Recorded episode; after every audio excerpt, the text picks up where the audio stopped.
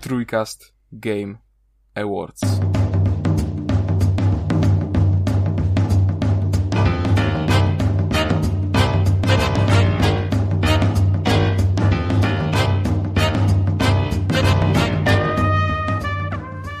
Zajebisty tydzień miałem. Zaczął się w zeszłą sobotę, jak pojechałem na koncert i wybiłem sobie dolne jedynki. Na szczęście, kurwa, nie całkiem, tylko wybiłem je sobie z przemieszczeniem, także to było bardzo wesołe. Super się tydzień zaczął. Potem nie było lepiej, bo jakiś chuj mi przebił y, gwoździem oponę w samochodzie. To za te żarty z PiSu. Prawdopodobnie tak. E, Ale spoko, wymieniłem, nie? Tam ten, e, jak, Ale to czekaj, zęby, czy to, to myślisz, że już możemy mówić, że mamy swojego takiego pierwszego hejtera, że już tam op- opony w samochodzie przy... Wiesz co, Wybijają? pewnie tak, bo, bo, bo potem mi ktoś te w samochodzie zderzak jeszcze obrysował, nie? Jak, jak wyjeżdżał z parkingu. E, Kurwa, zajebiste osiedle, polecam. W ogóle fajna sprawa też, jak wymieniałem koło, to się okazało, że w- tam jak jest, jak jest koło zapasowe, to mi się tam zbiera woda. Że akurat wymieniałem po nocy, to to wszystko zamarzło, także latałem z czajnikiem z mieszkania na czwartym piętrze do samochodu i tłukliśmy lód. E, Fajnie było, polecam. E, Ale czego tam ci się zbiera woda? Nie mam pojęcia. Będę musiał to prześledzić, ale mi się zbiera tam woda. No. Fajnie było, bo jeszcze akurat w międzyczasie zapalenie krtani y, złapałem, dlatego brzmię tak, jak brzmię teraz. Y, wychodzę z tego, ale, ale no wesoło byłem. Było, brzmiałem jak, jak menel pod Biedronką przez dobry tydzień. Y, więc zapalenie krtani plus rozbijanie lodów w bagażniku to jest mega fajne uczucie. No, a na koniec te tygodnia to taka jeszcze wisienka na torcie. Okazało się... Truskawka. Truskawka, taka truskawka z gównem. Yy, okazało się, że tam, tam gdzie Taka parkowałem... fontanna z gówna i tam była maczana truskawka. Tak, no to- tak. Taka zgniła jeszcze. Yy, okazało się, że tam gdzie parkowałem dotychczas, to jest zakaz parkowania, tylko znak jest umieszczony tak zajebiście, że jak tam wjeżdżasz, to ni chuja go nie widać, bo on jest tą twarzą skierowany do bloku. I jak wjeżdżasz, to nie, ma, nie masz prawa zobaczyć, że tam jest jakikolwiek zakaz. Musiałbyś cały parking objechać dookoła. Yy, No i dostałem wezwanie od Straży Miejskiej, żebym się stawił na komendę, bo chujowo parkuję, także zajebisty tydzień. Super. Ale to jakiś mandacik jeszcze wpadł, czy nie? Nie no, będę się kłócił, no. Chcą mi dać mandat, no ale to jak nie widzę jak ten, no to... Ale czekaj, jakoś w ubiegłym tygodniu widziałem takiego newsa, słyszałem, w jakimś tam miasteczku, chyba angielskim, e, mo mogę ściemniać, mm, zrobili tak, że były sobie samochody poparkowane przy chodniku i pewnej nocy postanowili tam namalować linie, które świadczą o tym, że tam jest zakaz parkowania. Ale żeby to zrobić, musieli podnosić te samochody dźwigiem, wtedy malowali i opuszczali je z powrotem. I wystawili tym ludziom jeszcze mandaty za to. Na szczęście mieszkamy w Polsce, w państwie prawa i Sprawiedliwości. Tak, Zaczyna tak, się. także, Zaczyna się. no. No ale fajnie, święta teraz będą, także elegancko. O, Tak, e, ale, ale wszystkie jakieś życzenia świąteczne i noworoczne to, to na koniec. Mm, Tymczasem myślę, że możemy się tym pozytywnym akcentem przywitać z słuchaczami. E, I jest to kolejny epizod Trójkastu, a za mikrofonami jest Konrad Noga, dzień dobry, cześć. e, Kuba Smolak Dobry wieczór. oraz Kacper Cembrowski, czyli ja i również Was bardzo serdecznie witam. E, Standardowo zaczniemy od newsów, natomiast chciałbym ogłosić, iż dzisiaj miejsce ma TGA, czyli w rozszerzeniu Trójcast Game Awards. Zapowiadaliśmy to na swoim Twitterze, mm, ale to nie ma tak łatwo, że sobie włączycie odcinek i, i na początku dostajecie wszystko, co byście chcieli, na co tutaj przyszliście. Na to musicie sobie chwilkę poczekać. Tymczasem przejdźmy do omówienia tego podrabianego TGA, e, zwanego The Game Awards. Mm, Czy my teraz, czy my teraz opowiadać. możemy krzyczeć fuck the Game Awards, fuck the Oscar? E, zwycięzców w tych kategoriach sobie nie będziemy omawiać, bo, bo nie ma to sensu. No, mówimy przegranych. To, grę roku wygrało It Takes Two e, i czy to dobrze? Nie wiem, mam mieszane uczucia. Nie, no bardzo, spo, bardzo spoko gra, bardzo growa, bardzo ciekawa, innowacyjna bym powiedział. E, myślę, że zasłużenie. E, nie obyło się w sumie bez skandalu też, o tym warto powiedzieć. Takiego małego, tyciego skandaliku takiego. Ponieważ Jeff Killibon to prowadzi, nie? On, on to tak, jest, tak. nie wiem, czy, czy właścicielem tej marki, czy, czy ten, ale yy, oni stwierdzili, że Forza Horizon 5 yy, mm, nie będzie nominowana do nagrody gry roku, yy, ponieważ jest y, grą, y, która nie ma jakichś takich walorów artystyczno-fabularnych, jako, jakoś tak to, to brzmiało. I pojawiła się dyskusja w internecie, czy na przykład gry sportowe i gry wyścigowe powinny być brane pod uwagę przy wyborach gry roku. A wiesz, to jest w ogóle taka kwestia bardzo ciężka. No nie, no jak dla mnie nie jest bardzo ciężka, jak dla mnie powinny być jak najbardziej brane pod uwagę. Nawet no, te wszystkie ja tak pipy. uważam, no gry to gry. Ale jak ktoś... Znaczy, no nie, nie, do końca wiem, co musiałbyś mieć w głowie, żeby faktycznie stwierdzić, że FIFA 22 to był lepszy tytuł niż, nie wiem...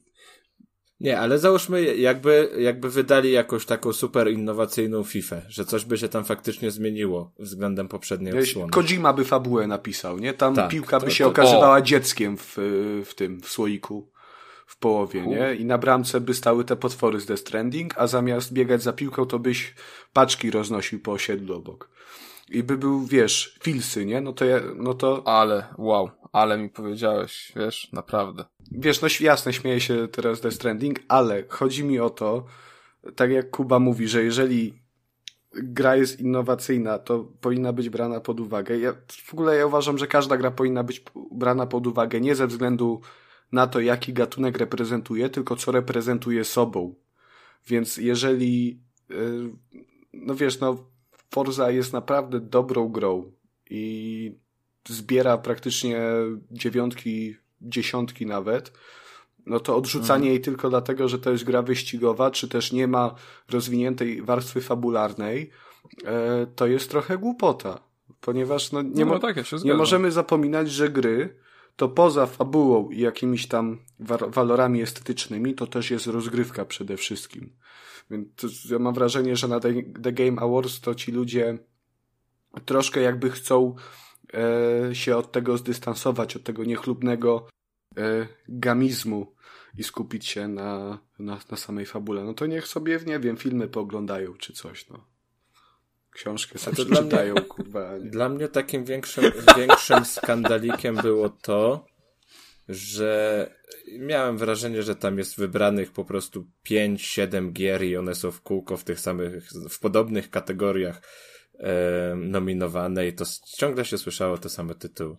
No to też prawda. Trochę, e, no cały czas, no tak masz rację, bo cały czas te same gry były wymieniane. Ja to najbardziej w ogóle lubię Psychonauci, Deathloop, e, Ratchet i Clank, tak jakoś te, te, te... Najbardziej lubię i tak jak na początku są te kategorie w stylu tam content creator roku i, i są streamerzy, których w ogóle nigdy nawet, nawet nie wiedziałem. Ale to tacy streamerzy to mają walory fabularno-artystyczne, nie?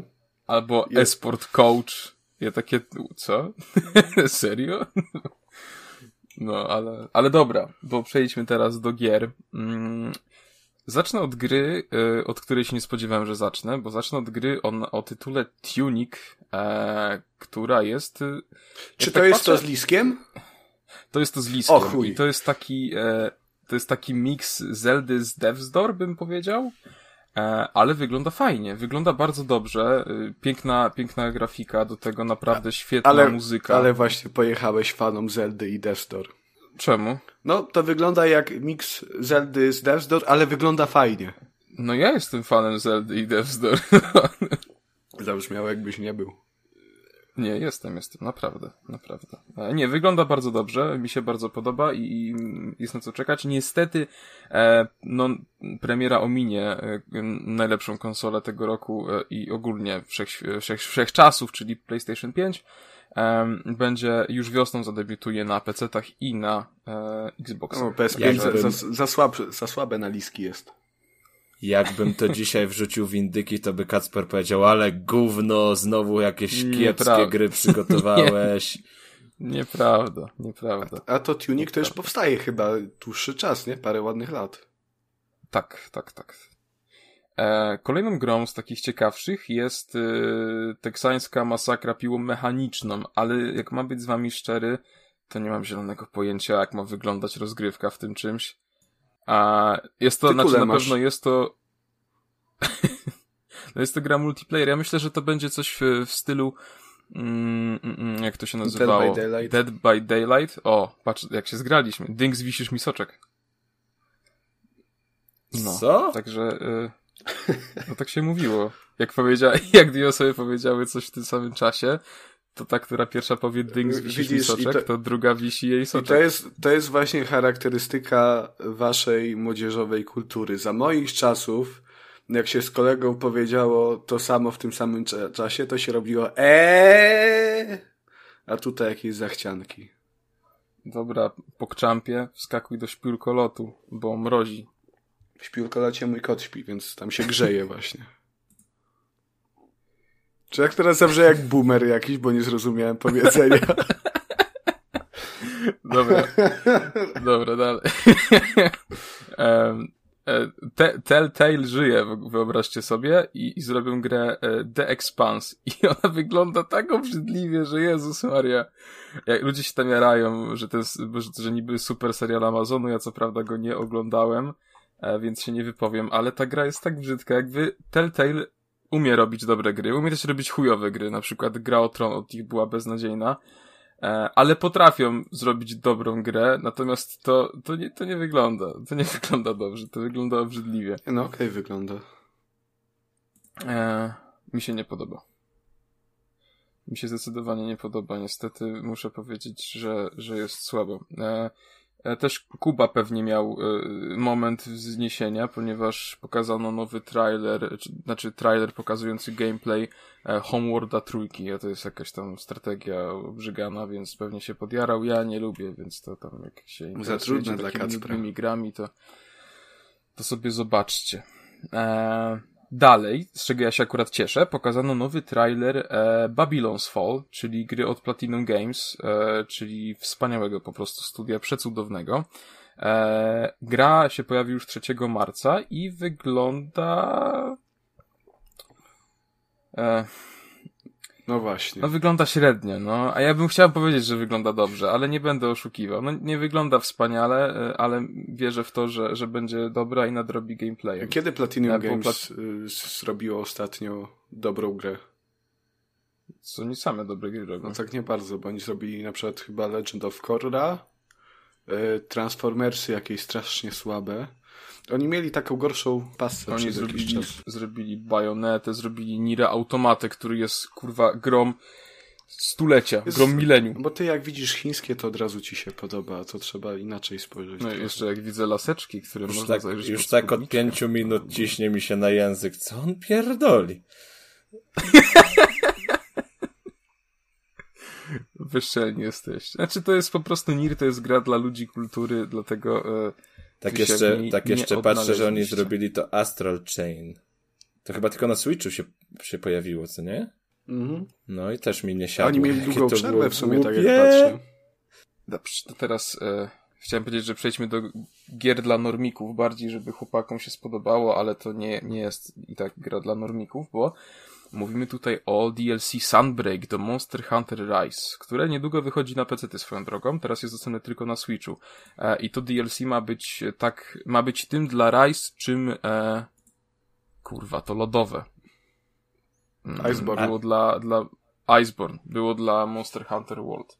E, Wygląda to dobrze, szczególnie jak na warunki switchowe, muszę przyznać. E, Ja co prawda w tego Rise'a nie grałem, niestety, e, ale no gra zebrała świetne recenzje, więc wydaje mi się, że może być to coś super i, i to wystartuje już latem 2022 roku, więc stosunkowo wkrótce.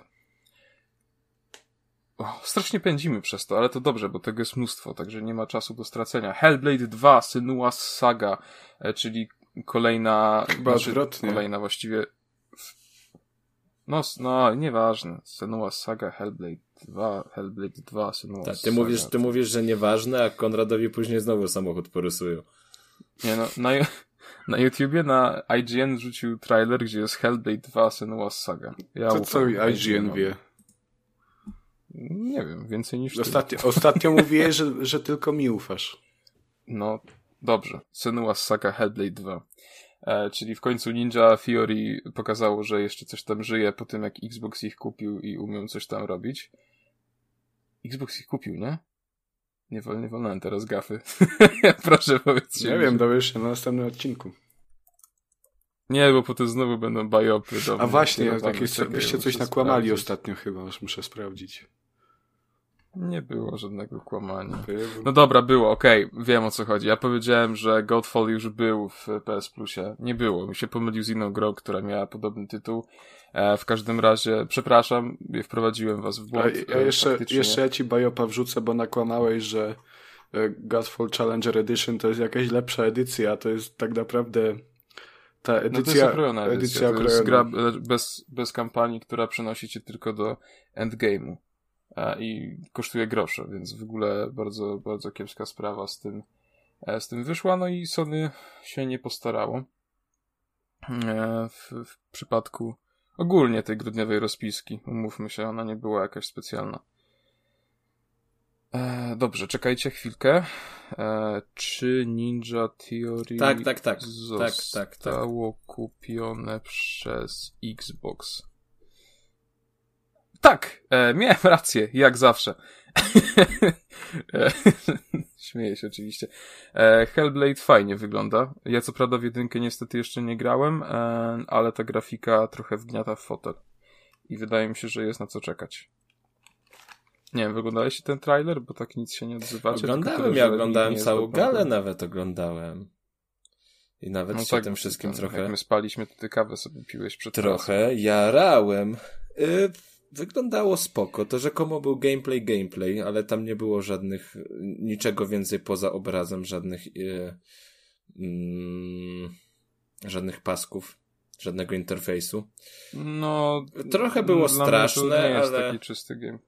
Ale nie wiem. Nie, tak naprawdę to nie wiem, czego się ja wiem, spodziewać. po tym. straszne, ba bardziej mroczne bym powiedział. No mroczne, ale tam te szepty też były takie, że tak człowiekowi się troszkę tam gęsia skórka robiła. To jak w ASMR. Ech, tak dobrze. E, Quantic Dream, po tym jak e, skończyli swoją umowę, swój kontrakt z Sony na trzy gry ekskluzywne, wraca z nową grą. I uwaga, jest to gra z uniwersum Star Wars e, o podtytule Eclipse. Tak naprawdę, no nie wiadomo na razie nic więcej. Ludzie to odebrali raczej średnio. I tak się zastanawiam, bo no nie wiem, w sumie mam bardzo takie ambiwalentne podejście. Gry Quantic Dream ja całkiem lubię, a ostatnio właśnie skończyłem nawet e, Beyond Two Souls. E, najgorsza gra Quantic Dream według mnie, ale i tak jest niezła. Natomiast czy to się odnajdzie ta formuła w, w świecie Star Wars? Znaczy ja w ogóle mam wrażenie, że ta moda na interaktywne filmy ostatnio y, przeminęła, bo coraz mniej jest, też mi jest się tak tych gier typu e, właśnie te gry Davida Cage'a, czy tam Karze, jakkolwiek się to jego nazwisko wymawia. Ni- Nikolasa. Nikolasa Cage'a. Nikolasa. Tak, jego też. Jest tylko jeden Mhm. Cage. Tych Life, Life is Strange'ów jest, jest na przykład też mniej, nie? Tych epizody, e- epizodycznych gier. E, Niedobi, No w ogóle z się tych ostały, epizodów no. zrezygnowali, bo przecież te nowe Life is Strange to True Colors wyszło w e, formie całej gry od razu. To w, w, w końcu świetny ruch nareszcie. Ja co prawda y, Life is Strange bardzo lubię i w to, w to True Colors muszę zagrać na pewno, y, bo to na, na to czekam, natomiast mi się wydaje, że ten przesyt e, wyniknął trochę z tego, że Telltale w pewnym momencie srało tymi grami po prostu i dostawaliśmy ich tyle, że aż się już żygać chciało.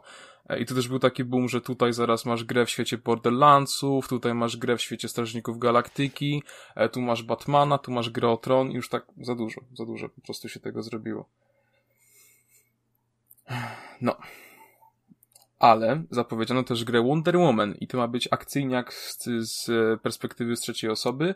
E, I nad tym pracuje studio, które opracowało między innymi Shadow of Mordor. E, a to była dobra gra, także e, zapowiada się całkiem ciekawie. Ten trailer, co prawda, tak samo nie zdradza za wiele, trwa całe 40 sekund, właściwie nie zdradza nic.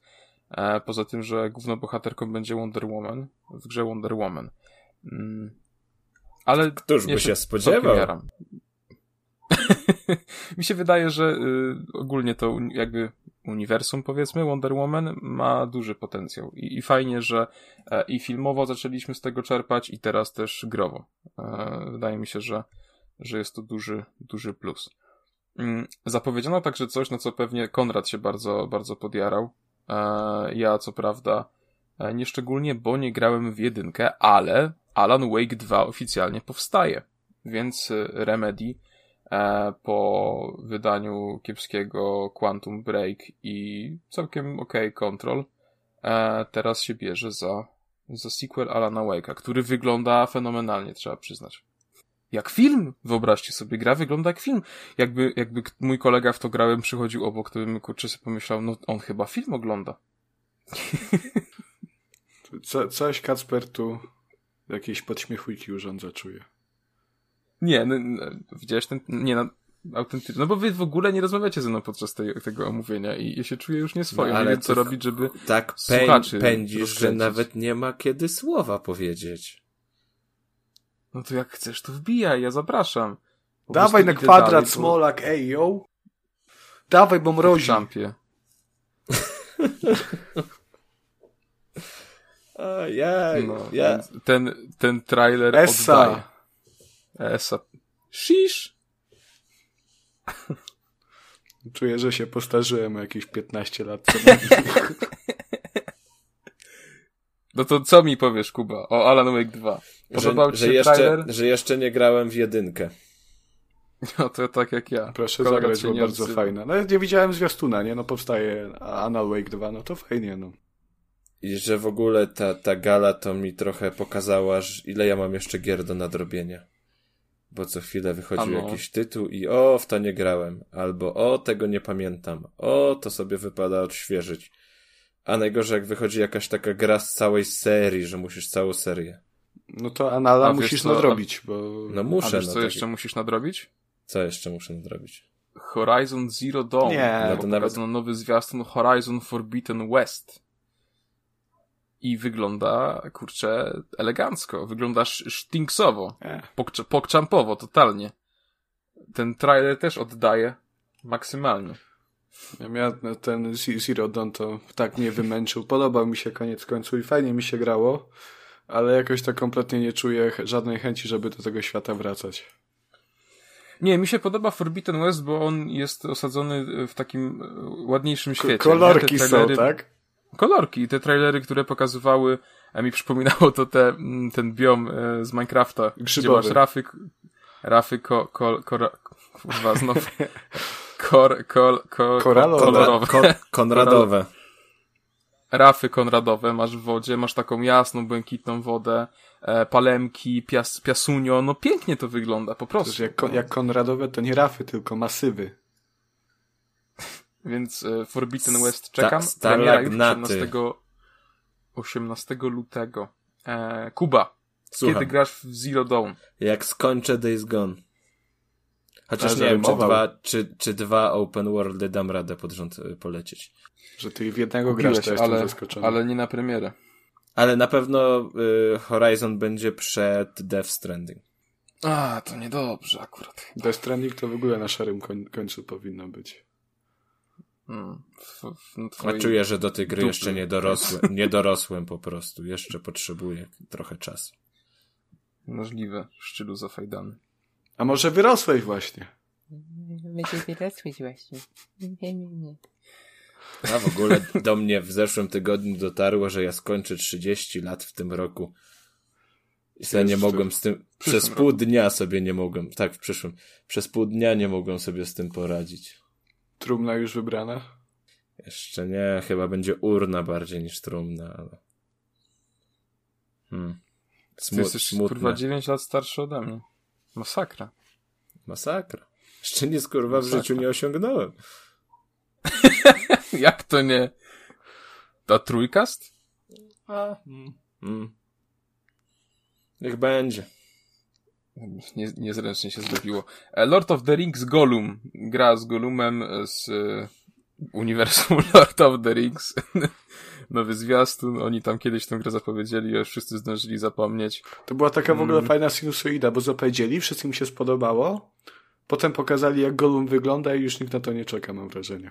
No mi się tak średnio y, ta gra widzi. Znaczy, ciekaw jej jestem, nie? Mm, Chętnie bym sprawdził, ale, ale nie mam tak, że, że jestem jakiś najarany na tę grę i że, że nie mogę się doczekać jej premiery. Ale to też sprawa, że ja nie siedzę w, tych, y, w tym uniwersum tolkienowskim, więc ja tam nawet nie oglądałem nigdy w sumie e, ani Władcy Pierścienia, ani Hobbita w A to nie wiem, czy możesz mówić głośno. Jak mogłeś wytrzymać to pierdolamento Kojimy przez tyle godzin, a nie, a nie obejrzałeś trylogii Władcy Pierścieni? No bo Hobbit to gówno, wiadomo, nie? Ale, ale No, Władca ja Pierścieni trzeba obejrzeć. Wolę poświęcić wolny czas na naprawdę dobre dzieła popkultury. To doceniające ciężką prostu- pracę kurierów w święta. E, Będzie też nowy Sonic, będzie e, gra z, tam, Ale film. z uniwersum. Nie, gra będzie. A, a film też będzie. E, Będzie gra z uniwersum Duny, która niedawno wylądowała w kinach. Mm, ale to będzie strategia, więc e, można iść do śpiórkolotu pokczampy. Szkoda czasu na takie gry. E, Będzie też nowa gra z uniwersum Star Treka o podtytule e, trudnym do wymówienia. Resurgence. Jak? E, I to będzie Resurgence. Musi, musi googlnąć. No. Resurgence. Star Trek Resurgence. Resurgence. Resurgence. No. Resurgence, no. Star Trek Resurgence. Ale nie, nie, nie, nie to... Czy, ma akcenty tam wpierdalasz w środek, to ja nie wiem, ale dobra. Star Trek Resurgenco. E, I odpowiedzialne za tę grę będzie studio Dramatic Labs, które składa się w większości z pracow byłych pracowników Telltale, więc to rzuca duże światło na to, jak ta gra będzie wyglądać i e, dwa największe uniwersa, e, które skupiają się na kosmosie, będą, dostaną gry, kurwa, takie nudne, klikane, no, błagam. Ja wiem, Szkoda. czy Star. Trek ciągle się tak mocno trzyma jako uniwersum? Tak, ja uważam, że tak. W sensie może nie jest, y, nie przebija się aż tak do mainstreamu, ale ma swoich wyznawców wiernych i jest no ich na sporo. pewno, ale mam wrażenie, że jakoś dawno nie było nic nowego. Kacper, nie wiem, ja mam- mo- mogę się mylić. Ja mam dla ciebie pytanie, dlaczego skreślasz grę, yy, stwierdzając, że to będzie gra o klikaniu, skoro Ale- zachwalałeś przez pół godziny grę o chodzeniu? Ja pierdolę, nie, to, to, następnym razem jak odpalę grę Kojimy, to wam się po prostu nie przyznam, będę kłamał, że w nic nie gram po prostu i tyle. Eee, Przecież nie wytrzymasz, przecież nie wytrzymasz. o, pokazano też nowy zwiastun Dying Light 2 Stay Human, ale tutaj O, i to był akurat z- bardzo fajny zwiastun. Był fajny. Y, Też niedawno pokazano w ogóle, znaczy y, Techland udostępnił wymagania y, sprzętowe dla Dying Light 2 i są makabryczne. No, Bo nawet się za Są głowę strasznie złapałem. duże. No tak, tak, bo żeby grać w 60 FPS-ach z ray tracingiem włączonym, ale tylko y, w Full HD, nie w 4K, to trzeba mieć po prostu sprzęt za, za naprawdę sporo tysięcy i to jest przerażające. W sensie to, to, to Full HD jest przerażające, bo gdyby to było 4K, to raczej moglibyśmy mówić o normalnych wymaganiach, ale tak, to jest, jest trochę dramat, szczerze powiem i e, cieszę się, że jestem konsolowcem. E, Był też nowy zwiastun Elden Ring. Kacper, e, ale nie wiem czy wiesz, ale na konsoli prawdopodobnie w 60 klatkach z ray tracingiem i w 4K też nie zagrasz. Przyk ja, przykro, mi ale, to mówić, więc to ale nie będę płakał, bo nie będę, jakby nie mam takiej możliwości, nie? Kuba ma, ma w teorii. Więc e, jemu będzie cięż, ciężej się z tym pogodzić. Ja A, zawsze gram tak na do- konsoli, do- więc ja dla mnie, dla mnie 30 FPS-ów to jest dobrze. Także ja nie potrzebuję nic więcej. To jest tak do pierwszej godzinki, jak już sobie ustawisz takie ustawienia, żebyś miał e, komfort grania, to już później nie zwracasz uwagi na, na grafikę. To dla mnie jest zawsze w ogóle takie właśnie mm, taka abstrakcja, że, że pecetowcy E, zawsze muszą się na początku rozgrywki jebać z tymi ustawieniami, żeby było dobrze. Nigdy tak nie robiłem, w sensie zawsze odpalam grę na konsoli i se gram, nie? I już. Ale możesz sobie na przykład takie- e, odpalić takiego GeForce i on ci sam wszystko sobie dopasuje. Nie wiem na ile to dobrze działa. E, Nigdy jakoś tego specjalnie nie testowałem, ale on sobie tam, wiesz, czmych, czmych i sobie z tym poradzi. To tak jak PlayStation 5. No. No. E, ostatnią grą, która jest warta uwagi, to jest Slitterhead. E, I zapytacie, co to jest Slitterhead? Dlaczego w ogóle mówisz o takiej grze, o której nie słyszałem? No to źle, że nie słyszałeś, bo za tę grę, ale, ale zrobiłem, nie? Wstęp. Kurde, tak, super. Aż, aż taki grę- dobry, że aż mrozi. Nie, nie, nie, to oddaję. Jak jest dobrze, to się mówi oddaję. Nie, nie, nie ja wiem. Aha. Chuju. Nad tą grą pracuje Keiichiro Toyama. E, który jakiś stworzył chiński. Silent Hill. Który stworzył Silent Hill. E, więc y, no zapowiada się dobrze. Ten trailer O, to takie bardzo, z tym, bardzo... tym, to koszmarne, takie, co ci ludzie się zamieniali w jakieś potwory, tak? Jakie, ale koszmarne pod jakim względem? Że brzydkie, czy że No, koszmarne, że tak brzydkie. straszne, że... Brzydkie. Ale wy się kurwa nie znacie. Jezus. Wylewu dostał? Te, teraz nie macie nic do gadania? Ja sobie, ja sobie zwiastun oglądam. No i co powiesz, panie Konrad? Po której stronie się opowiesz? E, Brzydkie jak cholera, ale Nie. to powinno być brzydkie i właśnie cały urok jest w tej brzydocie, mam wrażenie. No, może to tak być trochę, ale to jest takie groteskowe. O, tak byśmy to określili. Groteskowe? E, No, to jest chyba dobre określenie faktycznie. A myślę, że się chuja znać. Przecież, kurwa, pozytywną opinię wyraziłem. Co ty chcesz ode mnie teraz? I pokazane jeszcze demo technologiczne Unreal Engine 5 e, z Matrixem, ale o tym powiemy troszeczkę później, także tutaj stop.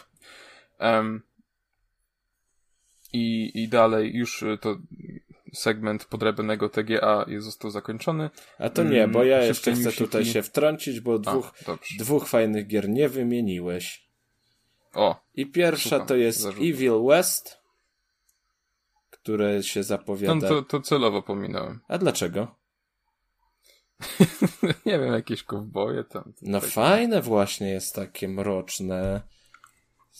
Będzie strzelane, potwory, dziki zachód.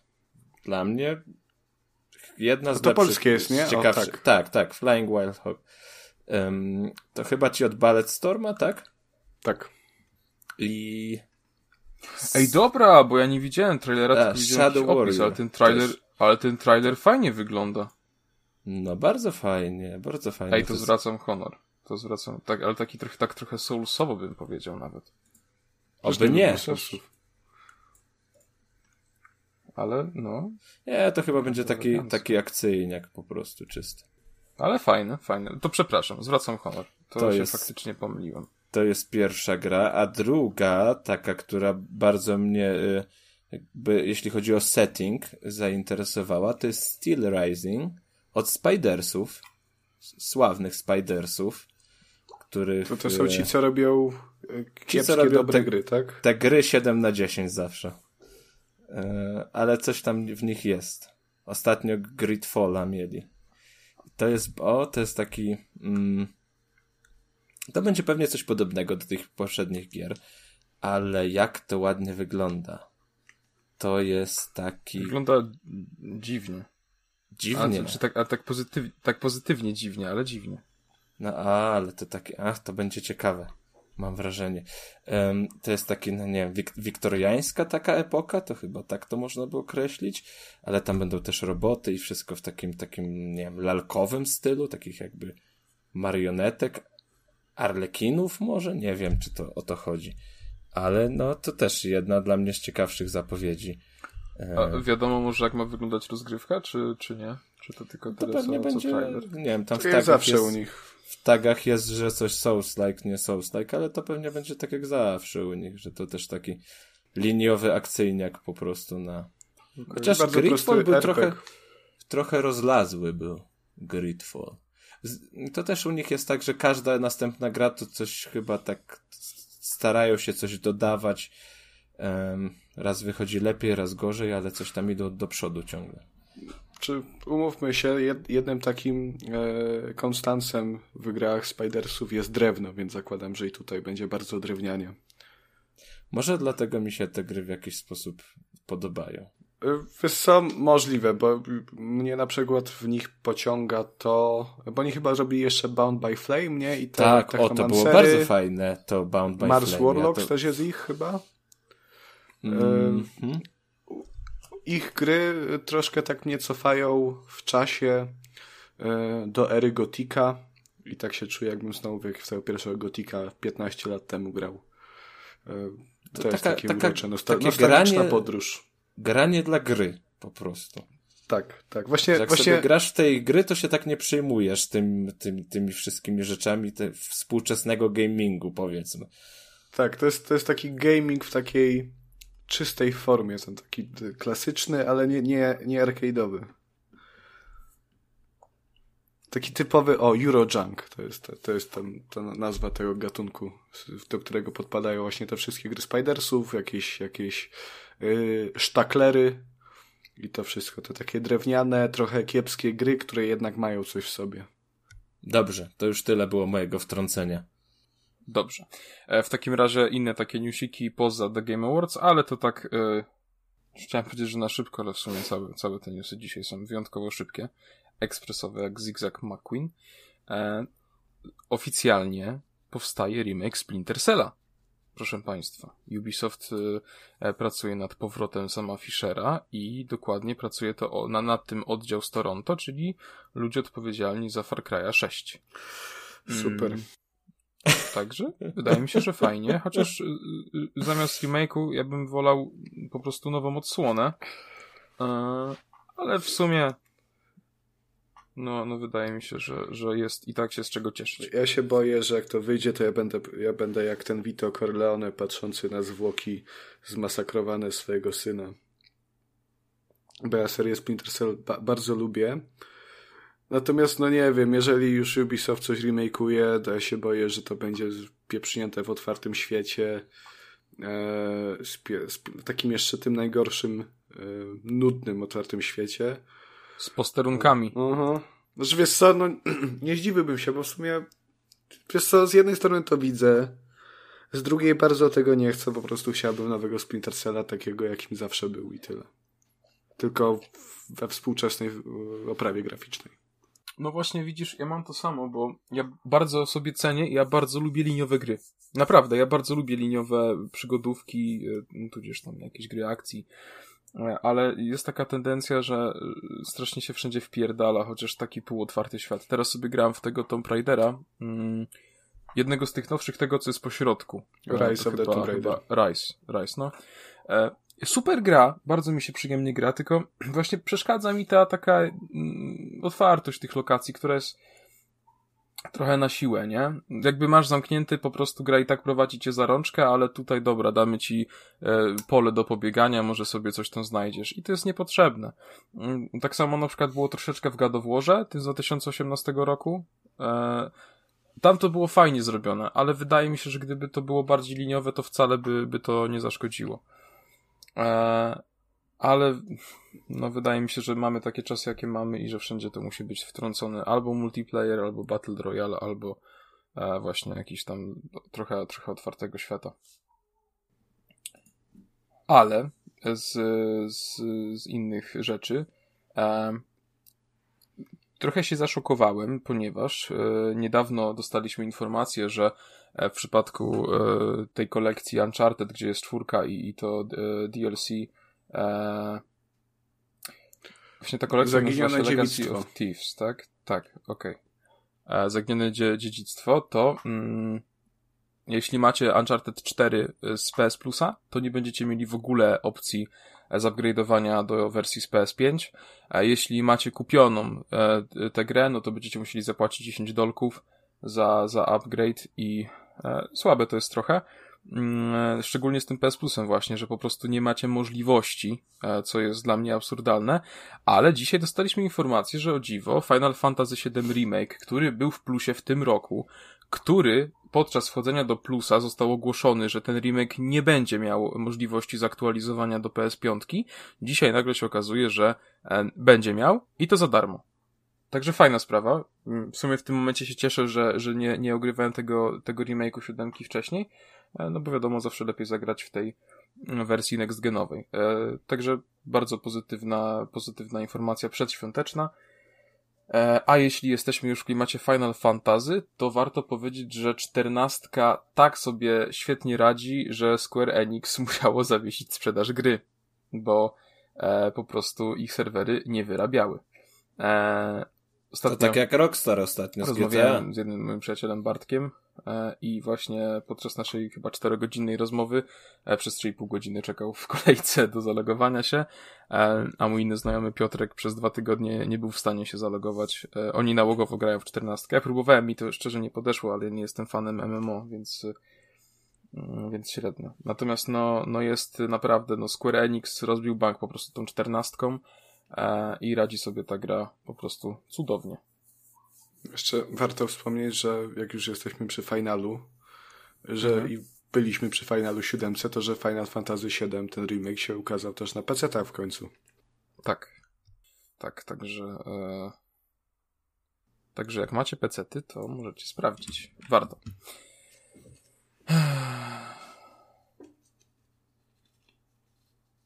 Przepraszam za chwilę zadumania, ale tutaj Kuba jakieś ma tam. Znowu mu rząd chiński obcina kable i, i coś jest jakiś kłopot. Mm, Natomiast Sony wybrało się na zakupy znowu i kupili e, Valkyrie, chyba tak to się powinno czytać, e, Entertainment. Mm, I co ciekawe, jest to Valkyrie firma, chyba. która. Okej, okay, Valk, Valkyrie. E, Jest to firma, która pracowała nad mnóstwem gier, ale oni generalnie byli takim jakby supportem. Oni byli drugimi deweloperami, nigdy nie byli praktycznie pierwszymi. Oni sami zrobili jedną grę, jeśli się nie mylę. E, I co jest ciekawe, oni ostatnio pomagali Microsoftowi przy Halo Infinite. Mm, Także, także ciekawa sprawa, teraz wykupuje ich Sony. E, Oni wcześniej też pomagali Santa Monica przy produkcji God of War'a, tego z 2018 roku i teraz mają rolę właśnie, że, że pracują przy Ragnaroku e, i będą pomagać przy tworzeniu Ragnaroka. Także fajnie. E, Fajnie uważam, że, że, że dobrze. W ogóle e, Sony bardzo dużo studiów kupiło w tym roku i to PlayStation Studios naprawdę się fajnie rozrasta i to są takie dosyć mm, cenne studia. E, szczególnie właśnie e, Housemark, ci co stworzyli e, e, Returnal w tym roku, e, albo Bluepoint. E, Wydaje mi się, że naprawdę to są takie zakupy, które mogą zdecydowanie zaprocentować w przyszłości. E, no to Valky- Valky- Valkyrie będzie Valkyrie. bardziej takim właśnie Valkyrie e, będzie bardziej takim właśnie myślę supportem przy, przy przyszłych e, projektach, ale coś takiego też się przydaje, więc mm, jak najbardziej fajnie. E, do tego, przed ostatnim newsem e, Epic rozdaje gierki za darmo z okazji świąt. Codziennie są nowe gry, e, także mm, powinniście to sprawdzić. Było już y, Shenmue 3, e, potem było e, był ten, Boże, zapomniałem jak to się nazywa.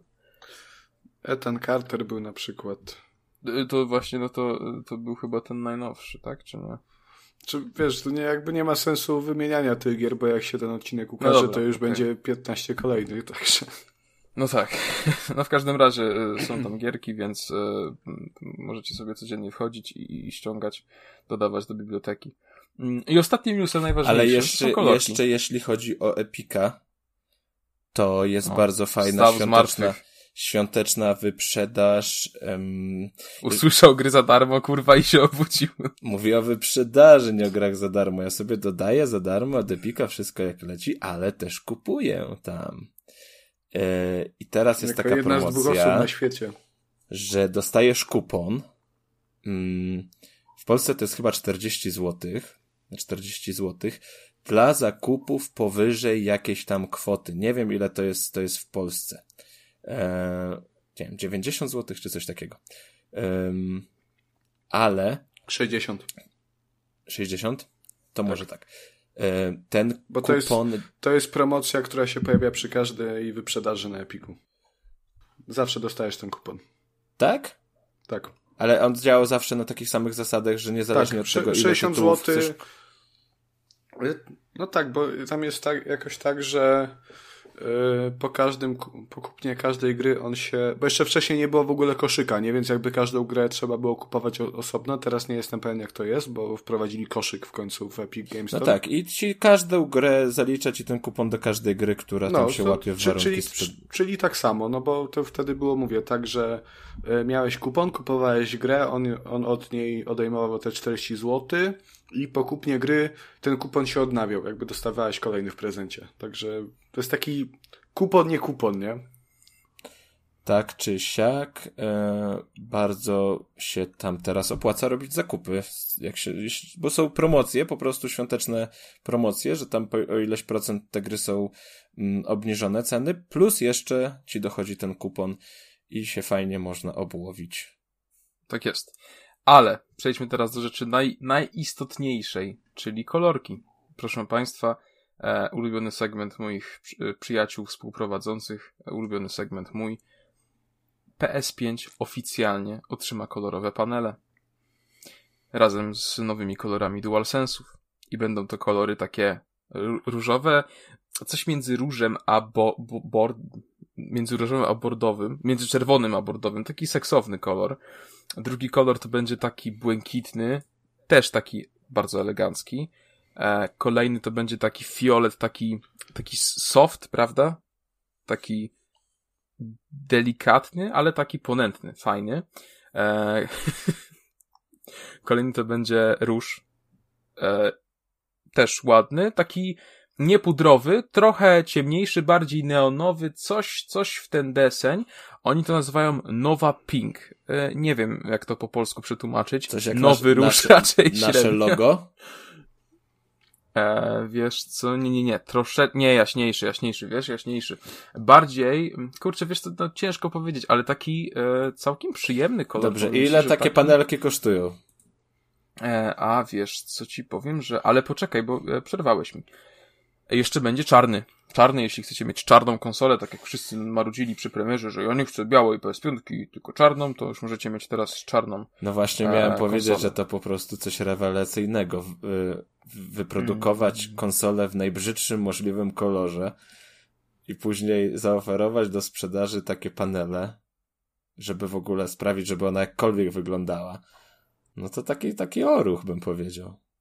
E, panele będą kosztować 55 dolarów. Mm. Wow, co daje. to darmożka. e, Ponad 200 zł, ponad 220. E, E, Wiesz co, ja myślę, że z podatkami, ze, z całym tym VAT-em to z No, 300 pewnie pewnie, z- pewnie wyjdzie. Pewnie tak. E, A jak, I- a jak ten uwaga. plastik od PlayStation przyjmuje farbę? Przecież malowali ludzie. Wiesz, Tak, tak, to było, było dużo customów. Raczej tam farba w sprayu zrobi, ro, robi robotę, nie? Mm, ale ja nie widzę potrzeby. Ten biały mi się całkiem podoba akurat, szczerze mówiąc.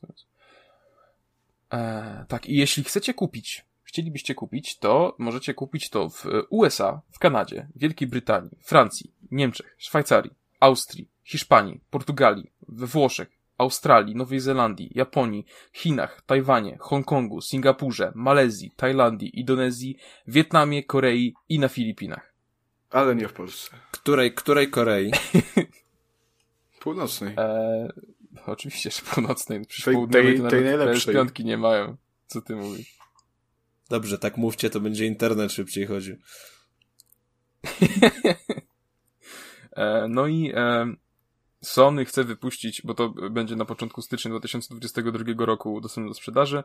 E, no i e, Sony chce do końca dwu- 2022 roku właśnie też udostępnić te panele dla e, większej ilości krajów i dla, dla większej liczby regionów. Także, znaczy fajnie, że to zrobili wreszcie, bo tam opatentowali to, więc też ucięli wszystkie inne firmy, które się tym zajmowały. E, dla nich dobrze pod względem zysku. E, ale nie wiem, ja szczerze mówiąc osobiście nie czekam, nie planuję kupować e, żadnych paneli, wymieniać, bo, bo Ale Joy-Cony kupujesz. Nie, Joy-Cony mam jedno tylko. Ja się jaram nimi, bo są piękne. Te Zeldy na przykład są wspaniałe, albo te białe do OLEDa, boże, te białe też są piękne. Ale y, ja nie kupuję, no nie mam To czemu hejtujesz panele? Wydawać... Ale ja mówię, one są ładne, tylko że ja nie czekam. Kurwa, nie słuchasz mnie, Konrad. No co, co ci powiem, no.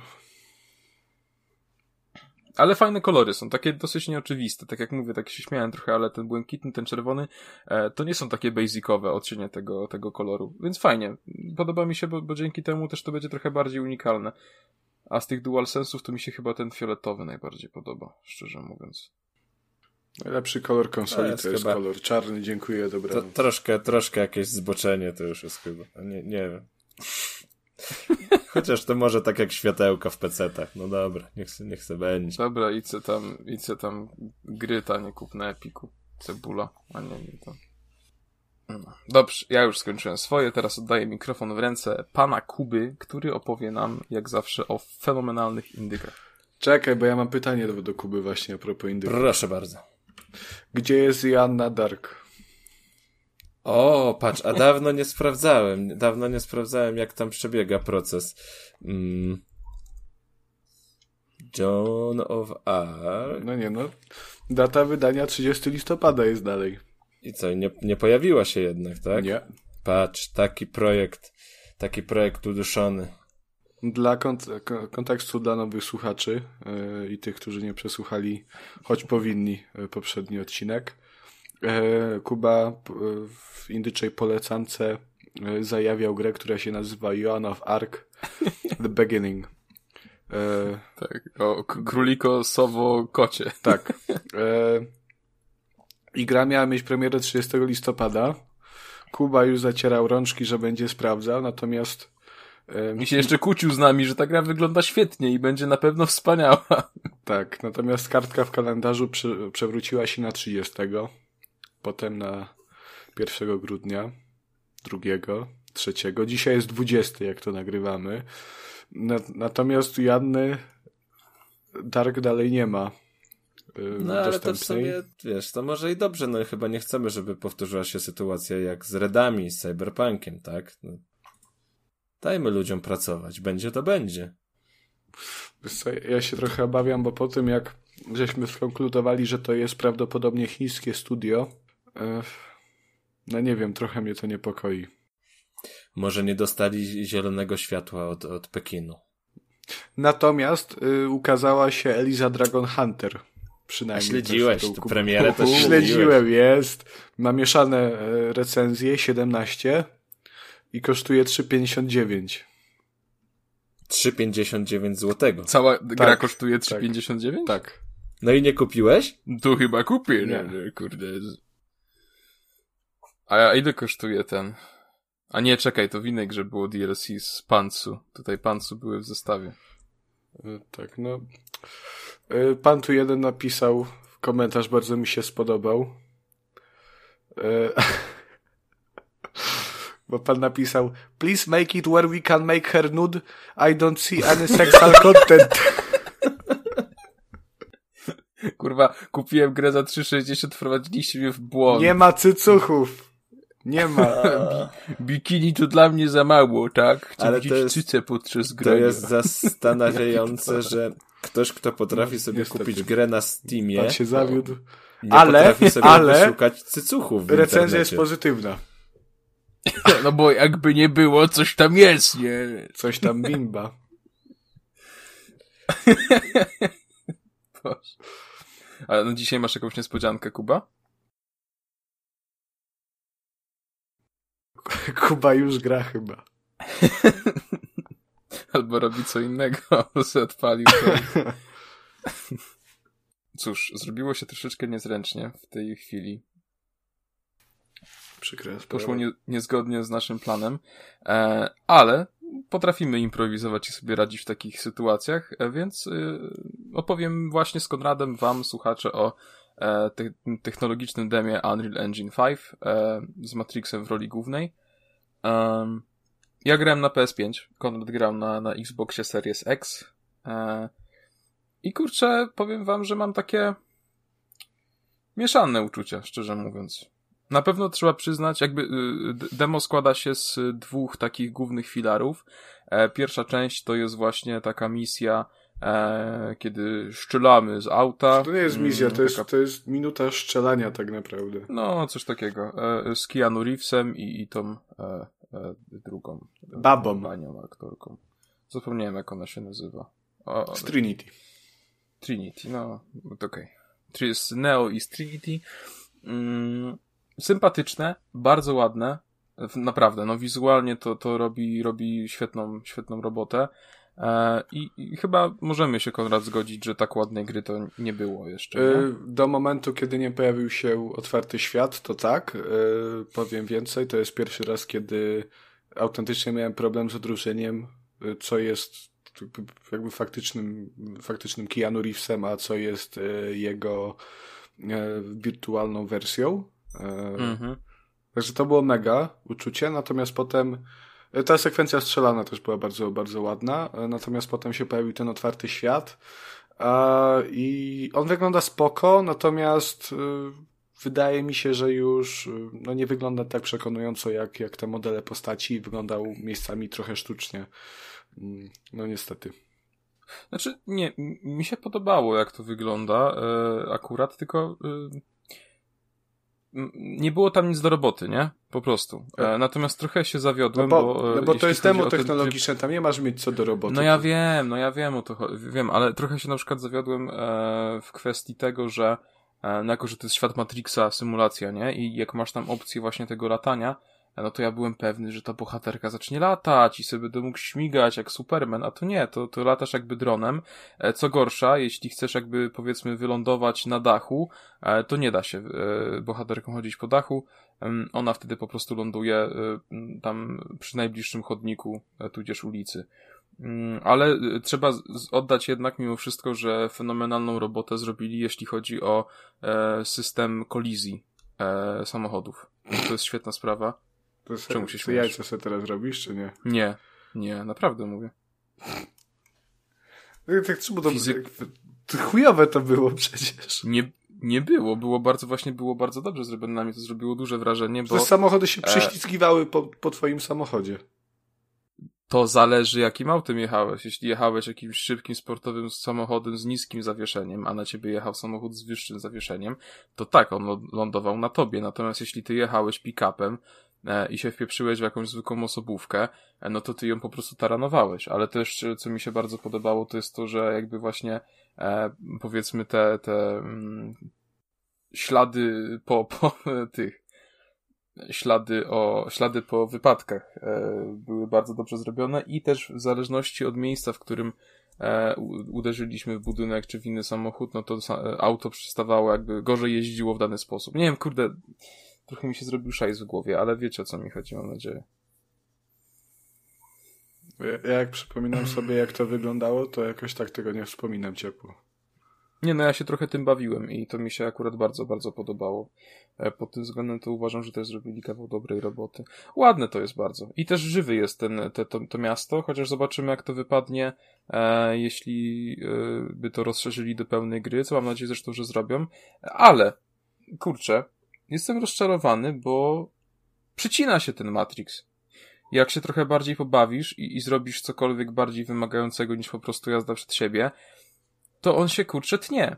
I, i ja nie wiem, czy to jest kwestia tego, że, że po prostu silnik jeszcze jest młody i raczkuje i e... chociaż z drugiej strony to jest demo technologiczne czy, broń Boże, konsole nowej generacji są za słabe na, na Unreal Engine 5? No nie wiem, ale kurczę, no jeśli w takim demie technologicznym e, podczas, jak szybko podczas tam jazdy ponad 100 na godzinę wiedziesz w trzy samochody i ci się cała gra mrozi, no to nie fajne to jest trosze, troszeczkę, kurczę. I tutaj, tutaj, tu się trochę zawiodłem, muszę przyznać.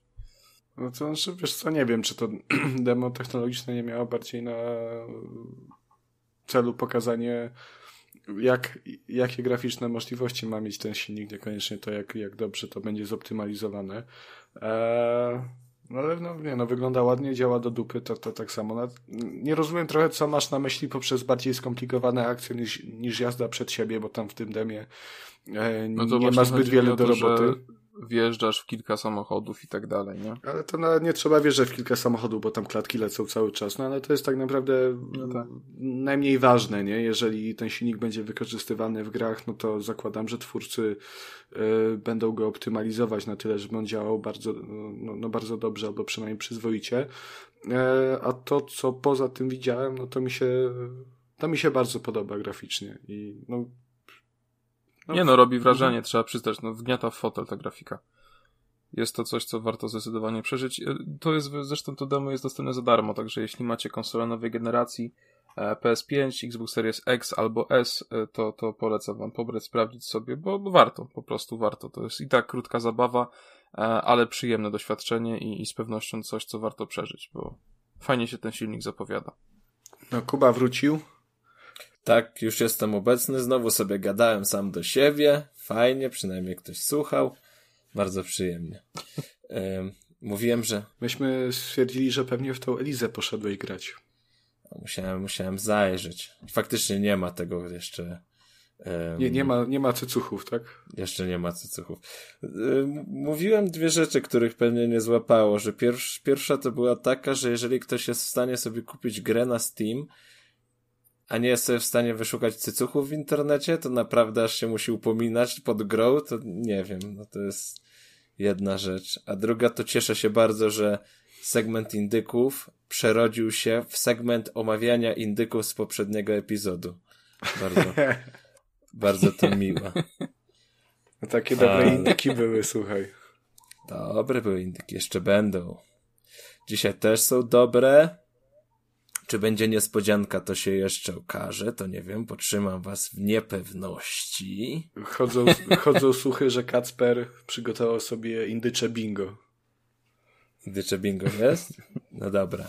To lecimy z pierwszym tytułem. Pierwszy tu, tytuł to jest polska gra. E, Martial Law, które 23 grudnia zadebiutuje na PC-tach i Xboxach. Za darmo? Za darmo? Za darmo? Tak, to za darmo będzie. A, to nawet nie sprawdzałem, że za darmo. A, widzisz. A, widzisz.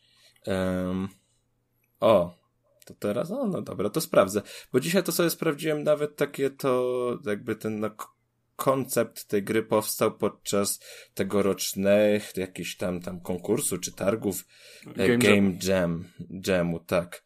Em, ja sobie to sprawdziłem, to sobie zagrałem, to jest, jest, jest dosłownie tam, nie wiem, 10 minut może, się dwie sceny dzieją. Czego się spodziewać po tej grze, to jeszcze nie wiem, aż się zaciekawiłem po prostu tym, jak twórcom uda się jeszcze rozwinąć tą produkcję.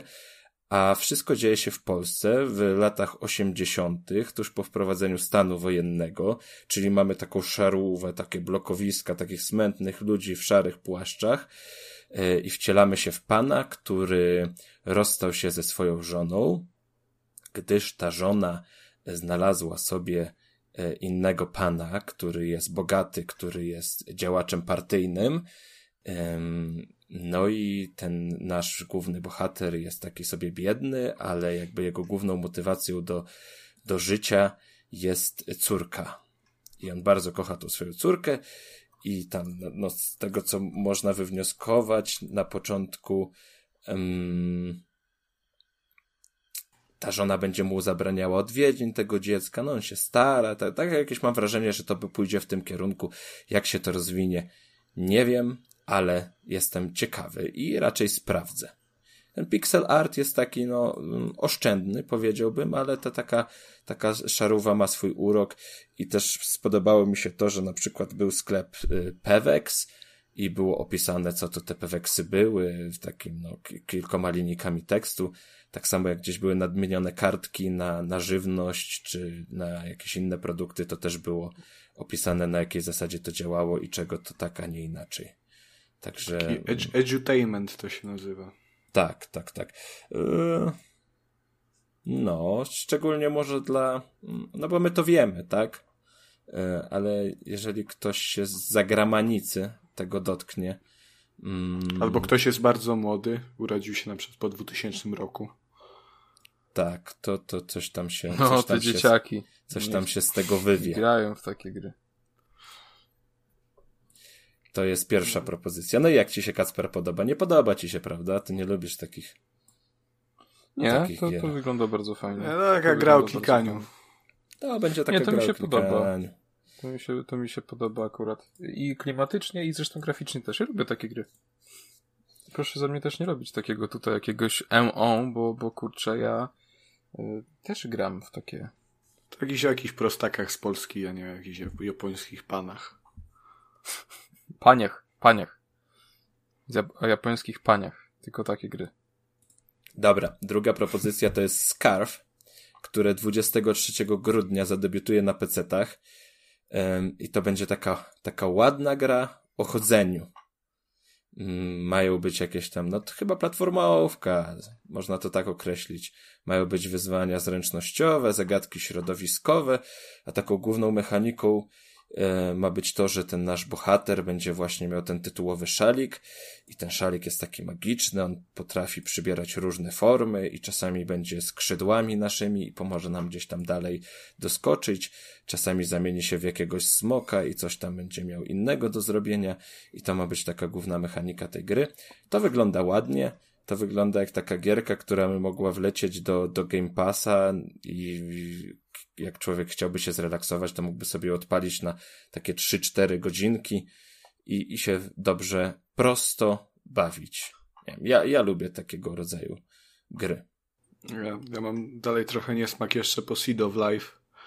Ale, A to coś ale... takie bardzo, bardzo podobne. To ten, ten, ten, ten styl chyba i ten, ten sam gatunek. No, no, taka gra przygodowa w otwartym świecie. Ej, Kuba, Mhm. mm, muszę się wtrącić. Bo coś się zepsuło, bo za dobrze ci idzie. Powiedziałeś dwa indyki i dwa mi się podobają. No, to No czekaj to dobra. Kuba, teraz strategia. Strategia jakaś wczesnym Nie, daj. RPG, RPG będzie. RPG będzie. Weird West. Ale to dopiero 11 stycznia. Ukaże się na PC-tach, PlayStation 4 i Xbox One. Z tym, że na Xboxach, yy, no i pewnie też na PC-tach, mm, będzie w Game Passie dostępna. Już na premierę. I to też jest gra, której akcja rozgrywać się będzie w, na Dzikim Zachodzie, takim, a, takiej alternatywnej wersji, takiego fantastycznego Dzikiego Zachodu, gdzie tam też będą potwory i będzie magia. I, i to też bardzo jest takie mroczne wszystko. Mm. I to ma być RPG z rzutem, w rzucie izometrycznym. Pokierujemy sobie naszym bohaterem, mają być oczywiście tam decyzje kształtujące grę i tak dalej, ale twórcy jako taki główny element wyróżniają to, że będzie bardzo dużo obiektów interaktywnych w tym świecie i mm, bardzo to ma przetestować naszą kreatywność w sposobie jakby wykonywania misji i tak dalej. Że sobie, jak coś sobie wymyślimy, to jest duża szansa, że to będzie się dało w tej grze zrobić. Jak to wyjdzie w praktyce, ciężko zgadywać, ale e,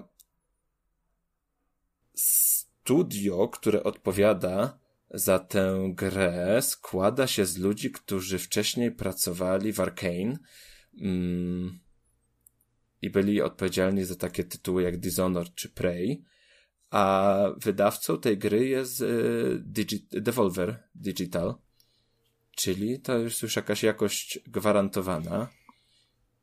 No i to dla, dla mnie bardzo, bardzo zachęcający, y, zachęcająco to wygląda, ciekawy tytuł. Troszkę mi przypominał taką grę, która pojawiła się, nie wiem, w zeszłym roku albo dwa lata temu. A może i jest starsza, tylko teraz przez tą pandemię ten, ten, y, nie, nie, nie, nie, nie. Hard West to była turówka, No, jeśli Ale dobrze pamiętam. E, Seven, The Days Long Gone. A to w ogóle jakoś tak przeszło bokiem. No, ale ja tę grę recenzowałem i pamiętam, że jak, y, że jak w to grałem, to ona była taka, mm, powiedzmy, zepsuta, ale ona była zepsuta w takim znaczeniu, nie wiem, no, gotikowym, powiedzmy, że dużo się tam dało rzeczy wykombinować, których nie powinno się dać normalnie wykombinować. Czyli Mm, no nie wszystko było tak jakby dopięte na ostatni guzik i można tam się było troszkę taką swoją e, kreatywnością popisać w oszukiwaniu lekkim gry. Ale ten taki otwarty świat i, i klimat tej gry był dość, dość przyjemny. Także to była trzecia propozycja. I teraz czy będzie special? Jak obstawiacie? Będzie czy nie będzie? Tak. Tak, ale special jest świąteczny i gra miała już premierę, bo nie mogłem znaleźć No Jezus, ciekawego. jakiś goły święty Mikołaj, no dawaj. Blisko jesteś. E, O Boże. blisko jesteś, blisko jesteś. Gra miała na Steamie premierę 17 grudnia. I co ciekawe, ona ma 35 recenzji, w większości są pozytywne, średnia wynosi 74%, a gra nazywa się, proszę sobie tam odpalić wyszukiwarkę, Christmas Massacre. Teraz proszę spojrzeć na materiały i powiedzieć mi, co myślicie. Uj, o, o. U. Co? Niez, niezła psychodela. Co? O wow. O wow. I słodki Czemu ta choinka ma oczy? W ogóle to, to ma być chyba tak celowo stylizowane na taki, mm, taki horror z lat 80., taki no oczywiście tej niższej klasy. Uff. W ogóle tutaj Ale jeszcze. to jest... Ale to jest przerażające. No, To jeszcze te psychodela dźwięki, jest taka. odpal sobie Konrad ten gameplay z, z tym, ten drugi. Z dźwiękami z gry, jakie to jest straszne, kurwa. A jak za czasów PlayStation 1. Tak jest, tak jest w opisie też gry, że właśnie jest ta grafika jest stylizowana na PlayStation. Pierwsze. Trochę taka kraina grzybów też, nie?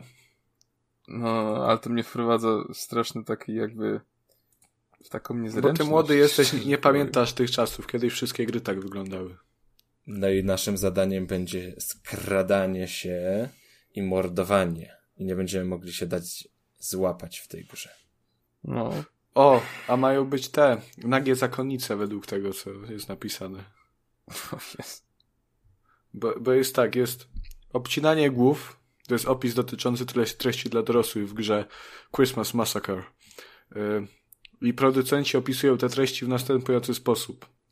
Obcinanie głów, y, obcinanie rąk, jakieś tam... y, Narkotyki i alkohol. Czekaj, ja sobie muszę to przetłumaczyć ładnie. O, patroszenie, o. Czyli, czyli tak, dekapitacja, y, obcinanie rąk, prawda, patroszenie, y, na, narkotyki, alkohol, m, nagie y, zakonnice.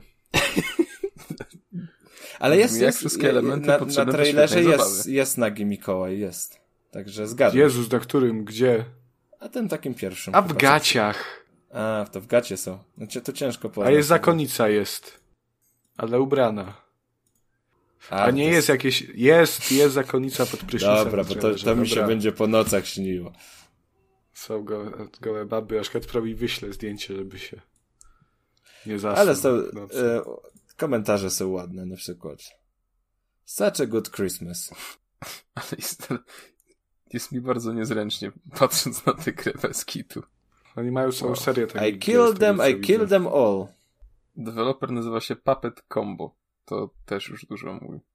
Very nice family friendly Christmas game. Kuba, ty nie możesz chyba takich gier po polecać, bo Kasper się potem boi. Ja potem spać nie mogę, Kuba, i, i potrzebuję, żeby mi ktoś przytulał w nocy, a nie ma kto. Kolejny, kolejny komentarz. Może Mikołaj przyjdzie do ciebie. I potem... You can chop people up. 10 out of 10. A nie masz jakiejś takiej Elizy drugiej? No nie, mam, z- z- no wiem, że Ja wolę, ja wolę jednak te cycki chyba, wiesz, jak, jak dajesz niespodziance, a nie No, ale- jakieś Mikołaje psychodeliczne, przerażające.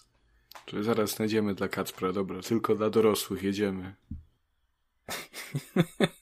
O, masz pierwszy w ten. Karen's Prison. U, o, u. Dobra, to może, to może to nie, to może lepiej, lepiej niech Kuba o Sherlocku opowie. Za daleko, za daleko zabrnęliśmy. No, bo tu się nie powinno tyle rzeczy pomieścić, co się tu mieści na zdjęciu. She- Sherlock. Wow. Z Sherlockiem, Sherlock. z Sherlockiem to jest taka sprawa, że on powinien się ukazać już w poprzednim epizodzie, ale że ten najnowszy Sherlock, czyli Sherlock Holmes Chapter 1, był moim pierwszym Sherlockiem, to tak troszkę, mm, no powiem szczerze, że nie czułem się na siłach do recenzowania go, nie mając em, jakby no wiedzy o poprzednich odsłonach. Więc sobie musiałem zrobić troszeczkę takie przypo, przypomnienie i mm, skończyłem sobie mm, jednego starszego Sherlocka, tego chyba najświeższego z tych najstarszych, czyli e, Sherlock Holmes Devil's Daughter jeśli dobrze pamiętam. Mm, no i coś tam już sobie e, wiedzy o tej serii nabrałem, ale też mnie podkusiło skończyć sobie pierwszego Sherlocka Holmesa z tej serii od Frogwares. Oczywiście. I to już było takie doznanie, no, ekstremalne. Śmiało można by powiedzieć, bo to taka, taka no, kioskówka bardzo, bardzo taka z lat, nie wiem, no, dziewięćdziesiątych. E, mm, powiem szczerze, że jeśli tam nie jakieś, nie jakieś e, pomoce z YouTube'a, to bym tej gry nie skończył, bo ona się już dla mnie po prostu nie wydaje do skończenia możliwa. Ja nie wiem, jak ktokolwiek, kiedykolwiek mógł tę grę skończyć. Po, poziom tych, tych zagadek tam, które trzeba rozwiązać i, i tego, e, jak to wygląda też, to jest dla mnie coś, coś niewyobrażalnego. Że, że, nie wiem, Konrad, czy grałeś? Ty lubisz takie starocie, ale aż takie coś, co bym cię nie podejrzewał. E, ja to mam na Steamie i to jest. A bo to jest za darmo na Steamie.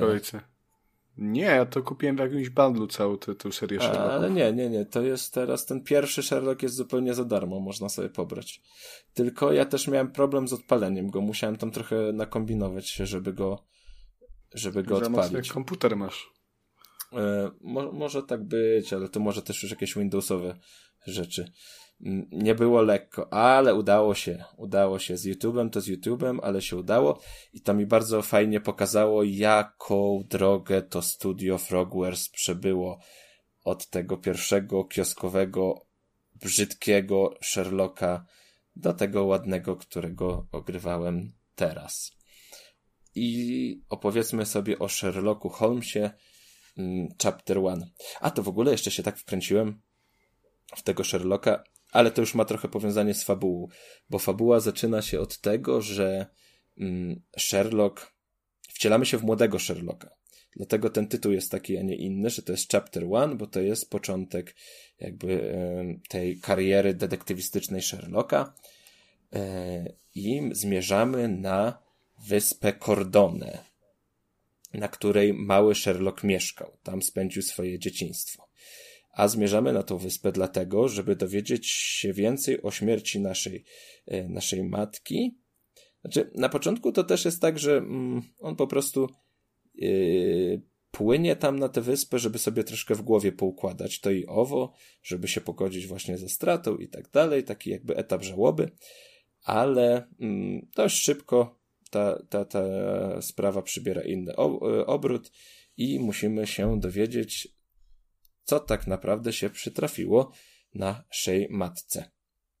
No i już w pierwszej scenie, mm, jeszcze na statku, jeszcze do, przed dopłynięciem do, do wyspy, naszym oczom ukazuje się John.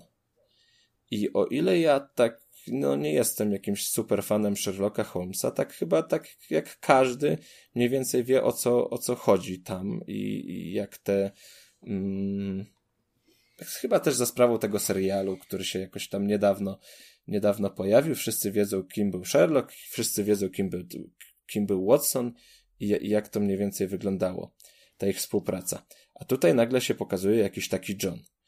I pierwsze, co zrobiłem, to od razu Wikipedia i odpalam mi, co to jest ten John. Przecież nigdy nie było o żadnym Johnie mowy. Mm. No i też gdzieś przez to się wkręciłem i, i przeczytałem dwie książki. Sherlocka, ale to już inna, Które? inna sprawa. No chciałem być tak profesjonalny jak ty, Konrad, i się przygotować troszeczkę do recenzji. No to pytam, które przeczytałeś? A pierwsze. studium w Szkarłacie. W Szkarłacie. I Znak Czterech. Było drugie? Pies... Znak Czterech. Znak Czterech. tak. No i tam nigdzie nie było, nie było Johna, oczywiście w Wikipedii też nigdzie nie było Johna. John jest stworzony na potrzebę tejże gry, a John jest nikim innym jak mm, po prostu wymyślonym przyjacielem Sherlocka. I to nie jest żaden spoiler, bo to już mamy od pierwszej po prostu sceny, możemy się tego domyśli, domyśli, domyślić. I to się dość szybko wyjaśnia, także, także proszę nie osądzać o, o spoiler. Wyjaśnia się to na przykład w taki sposób, że jak wchodzimy do, do posiadłości swojej, to jesteśmy Sherlockiem idziemy pierwsi, otwieramy drzwi, a za drzwiami już stoi John. Tak, już się rozsiada w fotelu, więc już wiemy, że coś jest, coś jest nie tak i to szybko wychodzi. Mm, I ten John nam tak jakby zastępuje w tej, w tej grze po prostu Watsona. My sobie z nim rozmawiamy, wszystkie nasze myśli dzielimy z nim, wspomnienia i tak dalej. No to fajny, fajny zabieg. Mamy takiego swojego towarzysza. Mm. I tak należałoby się skupić na różnicach pomiędzy tym nowym Sherlockiem a starszymi.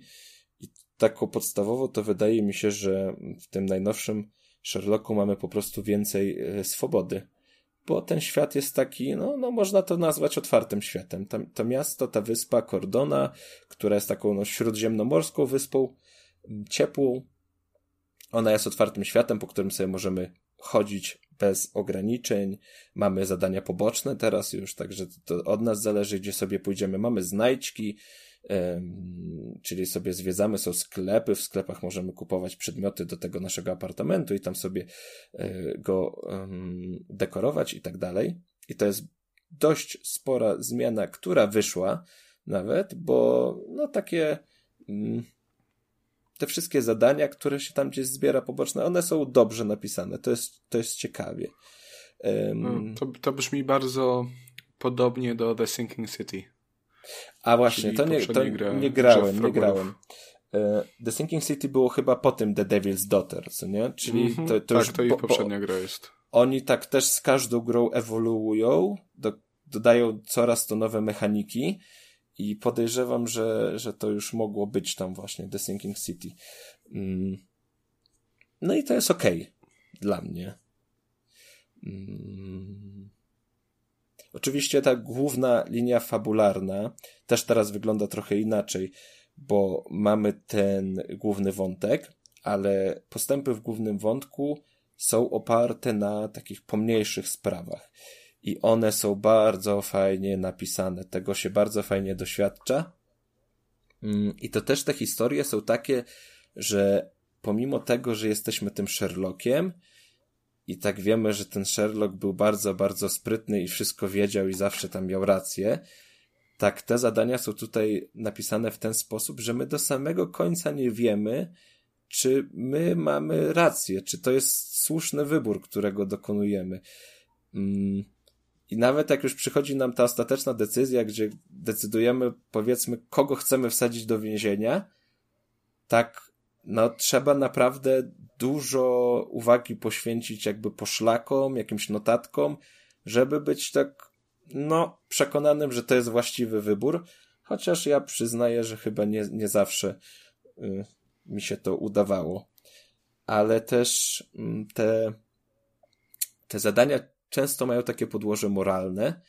I jak sobie grałem Sherlockiem, to sobie tak wyobrażałem, że ja będę takim Sherlockiem, takim jak Sherlock był, czyli prawo ponad wszystko i tam z, no, emocje. I sprawiedliwość, schodzą, oczywiście. Tak, oczywiście, prawo i sprawiedliwość. Y, emocje schodzą na drugi plan i jest, no, jest powiedzmy matematyka, fakty, za czyn musi być kara i tak dalej.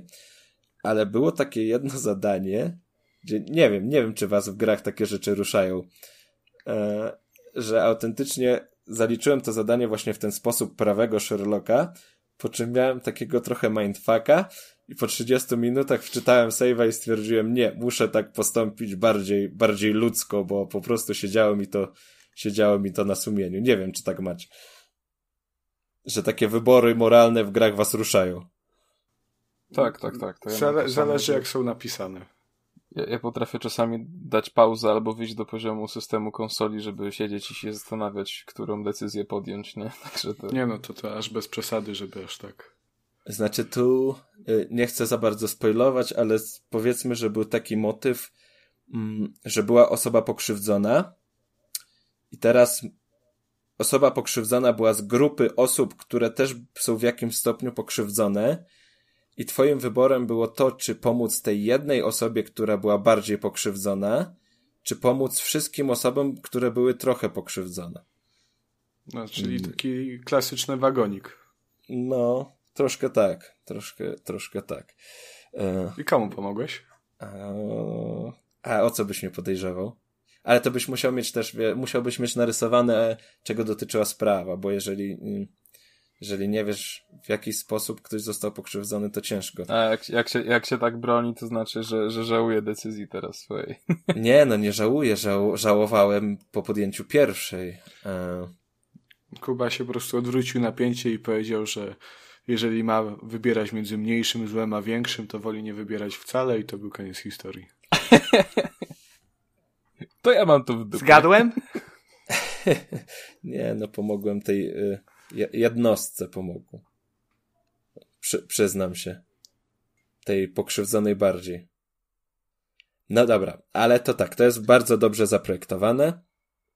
Mm, No i też w, czasie tych śledztw mamy bardzo dużo takich mechanik i, i opcji do wyboru, bo e, no oczywiście zbieramy dowody, czyli to jest takie po prostu klikanie na przedmioty. Mamy podsłuchiwanie, czyli gdzieś tam sobie stoimy w, z boku w knajpie i podsłuchujemy, co mówią ludzie przez wybór konkretnych, tak jakby mm, fraz, które do siebie pasują jeżeli tam wybierzemy kilka, no to coś tam nam się, nam się ujawi.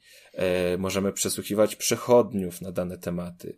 Możemy mm, archiwa przeszukujemy. Są różne archiwa, w zależności od tego, jaki jest temat sprawy, do takiego archiwum musimy się udać. Jest rekonstrukcja zdarzeń taka, czyli jesteśmy sobie Sherlockiem i mamy jakby kilka punktów w danej lokacji i sobie na podstawie dowodów i poszlak musimy ustalić kolejność, e, co tam się dokładnie wydarzyło. No i też mamy pałac myśli, który w danej sprawie zbiera do siebie wszystkie poszlaki.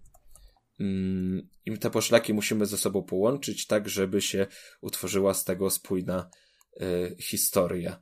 To się sprawdza. Brzmi jak kropka w kropkę The Sinking City.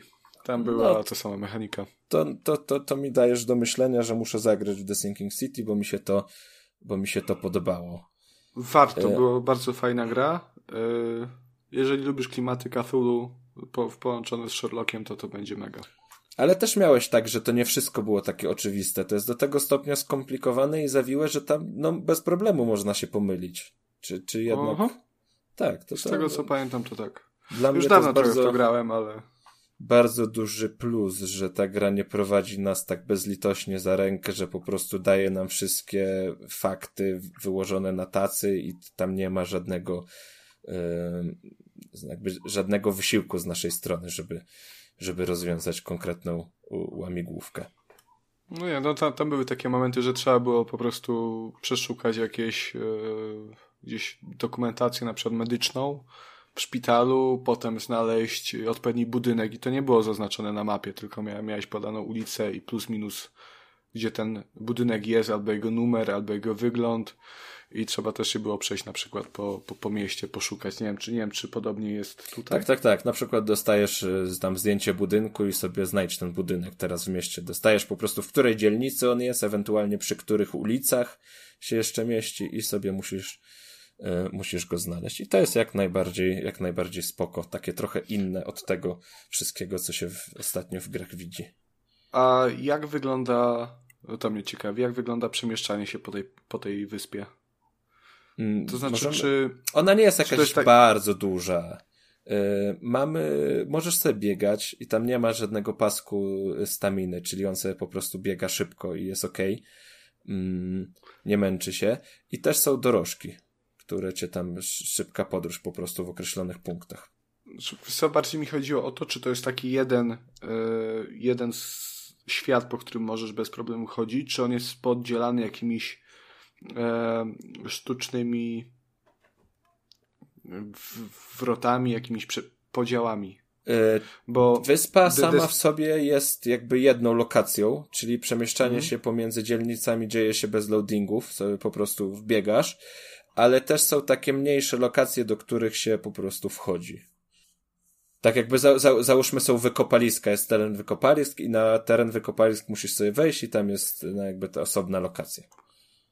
Łapie, czyli to jest, to jest jednak upgrade względem Sinking City, bo tam e, całe to miasto było podzielane zalanymi częściami miasta, gdzie tam się zapadła ulica i była po prostu woda, więc jak sobie biegałeś, to były momenty, że musiałeś po prostu wleźć do łódki i przepłynąć kawałek, nie? To zakładam, że to miało e, ukrywać loading czy coś. Mhm. To nie, to tutaj, tutaj tego nie ma. Mm, Jest kilka takich głupotek, które są niepotrzebne. To, co mnie najbardziej irytowało i ja się długo nie mogłem do tego przyzwyczaić i nawet przez pewien czas biegałem w kółko i myślałem, że po prostu jestem głupi, bo nie potrafię czegoś zrobić, ale za każdym razem, jak masz jakieś zadanie, jakąś sprawę, to w dzienniku masz jakby listę poszlak, listę dowodów i jeżeli nie przypniesz sobie konkretnego dowodu jako główny cel, że to teraz robisz to, to gra w żaden sposób ci nie pomoże i to będzie dla ciebie nieaktywne. Czyli teraz załóżmy, gra podpowiada ci, że musisz porozmawiać tam z, mm, z ludźmi z danej okolicy. Czyli tam po, podpytać przechodniów, dajmy na to. Jeżeli ty wiesz, że to musisz zrobić, ale jeżeli nie przypniesz sobie tego dowodu, to będziesz rozmawiał do tych ludzi i oni ci nic nie powiedzą. A jeżeli tylko przypniesz ten jeden dowód, to już oni będą rozgadani i ci powiedzą, co tam tylko chcesz.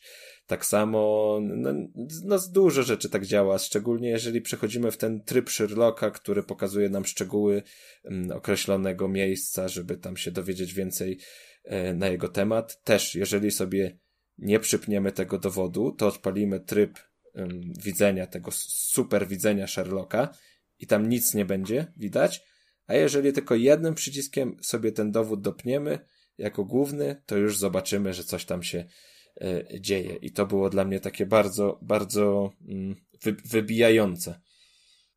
Kolejną taką głupotką to jakieś, e, załóżmy, na przebieranie się. To też było w poprzednich Sherlockach, żeby się dostylizować do danej sytuacji.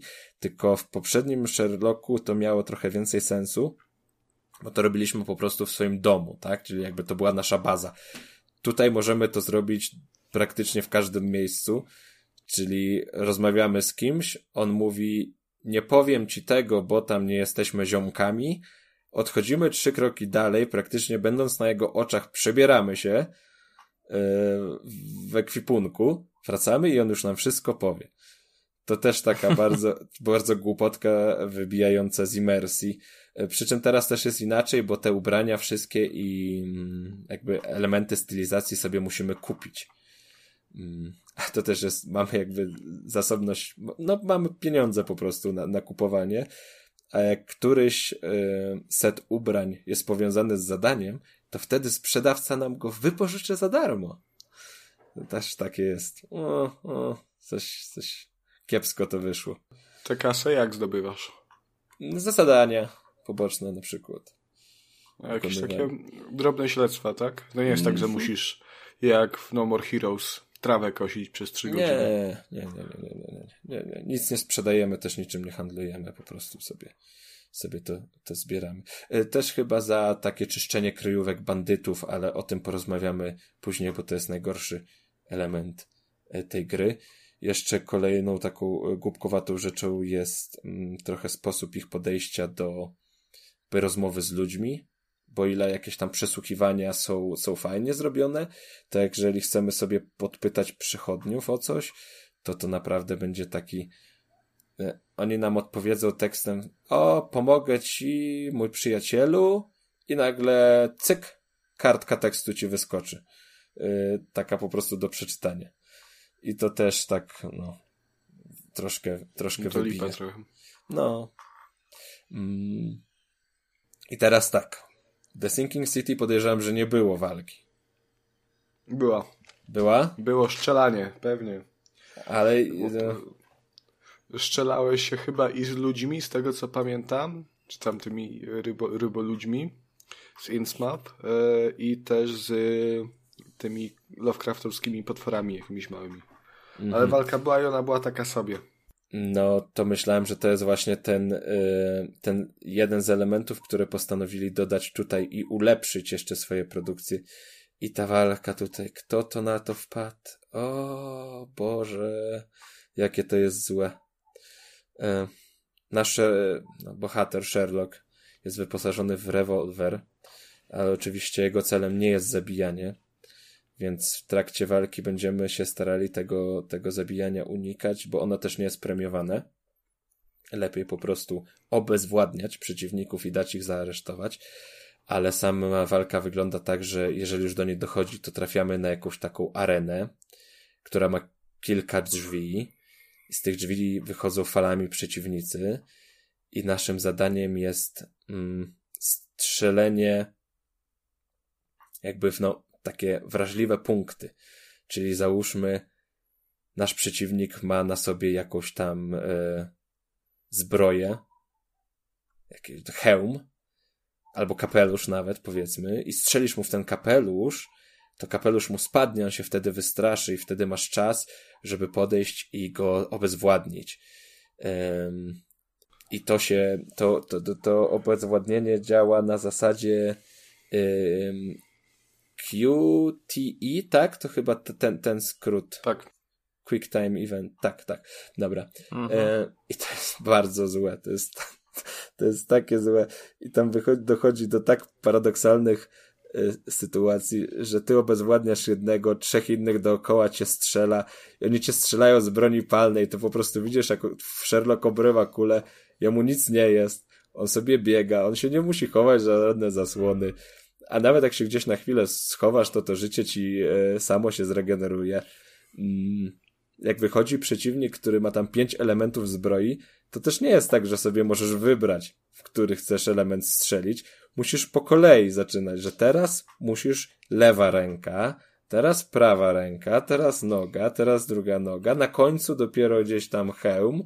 Musisz ściągnąć te O, wow. wszystkie elementy z niego yy, i dochodzi wtedy do tego właśnie, to, że możesz ten, go obezwładnić. Tak samo Brzmi jak jakaś dziwna gra wstępna. e, te, na początku to było opisane w ten sposób, że Sherlock musi umiejętnie wykorzystywać wszystkie elementy otoczenia, żeby właśnie obezwładniać przeciwników i tak dalej. A to działa na takiej zasadzie, że gdzieś tam jest worek z mąką, ty strzelisz worek z mąką, on wybuchnie e, tam i, i oślepi przeciwnika na chwilę, przy czym możesz przejść i go, i go obezwładnić. Mm. No bardzo, bardzo, bardzo to jest złe, bardzo to jest niepotrzebne. Na szczęście tego nie ma dużo i to się na ogół sprowadza tylko do takich aktywności pobocznych, gdzie tam likwidowanie e, no, grup przestępców, grup bandytów. W tej głównej fabule, no nie chcę skłamać, bo już prawdę mówiąc nie pamiętam, to też zależy od naszych wyborów trochę, ile razy dojdzie do tych, do tych walk, ale to tak, nie, nie wiem, dwa razy może mi się przytrafiło, że musiałem, trzy, Także to e, można, można to przełknąć, ale to powinno się albo nie pojawić, albo przejść jakąś mm, no, z, ogromne zmiany, jeśli ma się pojawić następny Sherlock.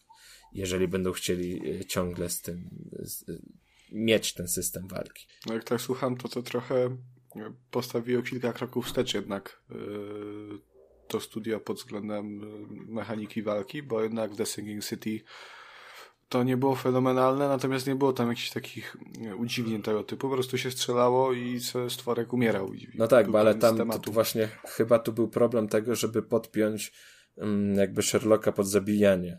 Tak, bo to No jednak... to, no to po co było w ogóle to Pod, właśnie. do tak, tej gry? tak. No, bo było opisane, że Sherlock był tam doskonałym strzelcem i tak dalej, i tak dalej, czy tam bokserem, prawda? E, więc. To Więc, więc. wiesz, no, boks można było zrobić, mógł nawet tu jakąś swoją laską tam y, po łbach trzaskać, no, ale to, koniecznie musiał- to w strzelaniny się wdawać. du- dużo fajniej by to było, jeżeli to by było po prostu zrobione e, liniowo. Jakoś tak, e, no, fab, fabularnie obrysowane i tak dalej. Bo, no, bo dochodzi do absurdalnych sytuacji. Tam też jest, e, to jest bardzo niestabilne. Tam są noże latające przez obiekty, te, te, te strzały, które gdzieś tam przenikają przez tekstury i tak Hmm. dalej. To, to nie działa też dobrze.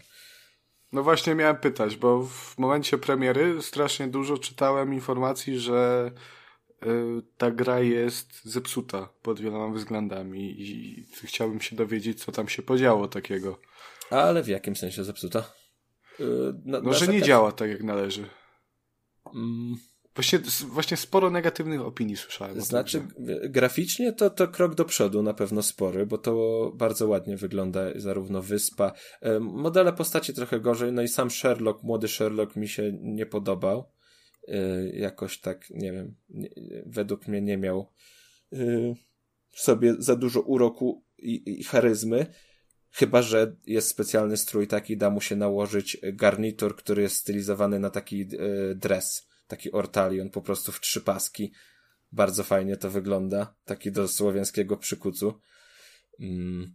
Te, te modele postaci są kiepskie, jest do czytywania tekstur sporo. E, gdzieś tam te też mm, ruchome elementy w tle, one tak potrafią przyciąć. Mm, pewnie można by sporo ponarzekać na optymalizację, bo ja nawet na swoim no, mocnym jeszcze PC-cie, jeszcze, jeszcze przez pół roku będzie pewnie mo można go określać w ten sposób, e, zdarzały mi się spadki tam klatek na wysokim, na wysokich ustawieniach. Mm, trochę takie nieuzasadnione spadki klatek, ale żeby tam jeszcze coś było takiego zepsutego, to, to, to nie wiem. Nie zepsuł mi się ani żaden quest, ani nic z tych rzeczy. No tak próbuję właśnie znaleźć teraz informacje o tym. Musiałbyś Co to coś, słyszałem wtedy, ale... Musiałbyś mnie Kurczę, coś mogłem, naprowadzić. mogłem sobie zapisać to. no nic to. Ale on chyba bardzo dobrze został przyjęty. No proszę. Ja tylko nie, nie, nie 87 pozytywnych właśnie... procent recenzji. No. Ja nie rozumiem tylko wciskania właśnie takich segmentów walki w gry tego typu. Uważam, że to jest totalnie zbędne w przypadku takich gier jak Sherlock na przykład. Jeszcze kiedy to tak bardzo nie ma pomysłu na siebie, jak ty mówisz, że strzelanie po, po kończynach i tak dalej, to słaba to jest sprawa. No to jest całkowicie, to ja byłem tym e, zażenowany, jak to pierwszy raz zobaczyłem, to, jak to wygląda. Jak już są, y, jak są w tej grze quick time eventy, to już mogli jakiekolwiek sceny walki rozegrać y, w ten sposób, uważam. Żeby to po prostu zrobić jakiś ciekawy, taki dynamiczny quick time event i to wszystko. I, i starczy. A nie jakieś wprowadzanie mechaniki, która nie działa i gdzieś tam obrzydza całe wrażenie pozytywne z reszty części gry, nie? Czy coś jeszcze byście chcieli, moi drodzy koledzy redaktorzy, wiedzieć na temat Sherlock Holmes Chapter 1? Nie, chyba nie. Ja sobie chyba już wszystko wiem. Chyba wiem wszystko, co chciałem wiedzieć. To ja jeszcze tak e, słowem podsumowania powiem, że nawet pomimo tego systemu walki jak najbardziej polecam. Ja bawiłem się bardzo dobrze. To też nie jest e, tak krótka gra jak poprzednie Sherlocki. Duża w tym zasługa tego, że to już jest no, otwarty świat i mamy zadania poboczne i mamy znajdźki i jest naprawdę co tam robić. Ja spędziłem ponad 20 godzin z tym Sherlockiem i jeszcze mi trochę zawartości, zawartości zostało. No to, a teraz się chyba pojawiło jakieś DLC darmowe. O, już nie wiem, czy się ze dwa nie pojawiły całkiem przypadkiem. Tak, aż dwa już? Kurde. No, albo, albo jedno się już pojawiło i jedno ma się wkrótce pojawić. Coś tam, coś tam już było. No bo teraz wiesz, jak jest otwarty świat już gotowy, to teraz dodawać jakieś takie pojedyncze śledztwa, no to to fajnie będzie trzymało ludzi przy grze, a, a nie jest to jakiś tam mm, duży, duży koszt. No i też mi się wydaje, że miłą odskocznią dla, dla osób lubiących tę serię jest to, że, że uciekamy z Londynu. Tak, także zmienia się otoczenie, mamy kolorki, jest więcej kolorków, bo jest słonecznie, jest ładnie. No, bardzo mi się przyjemnie, przyjemnie grało i cieszę się, że dzięki temu trochę zajawiłem się na Sherlocka. Muszę sobie jeszcze tylko e, odświeżyć serial, bo już średnio... Filmy są fajne. Średnio Z pamiętam. Z Robertem Downey Jr. No, Sherlock, Sherlocków wszelkiego rodzaju jest tak dużo we wszelakiej maści dóbr kultury, że jak się wkręci, to, to można i można. No to, to też jest prawda. To też jest prawda. No dobra, a teraz oddaję mikrofon panu Konradowi, który opowie nam o. No i nam nie opowie, no.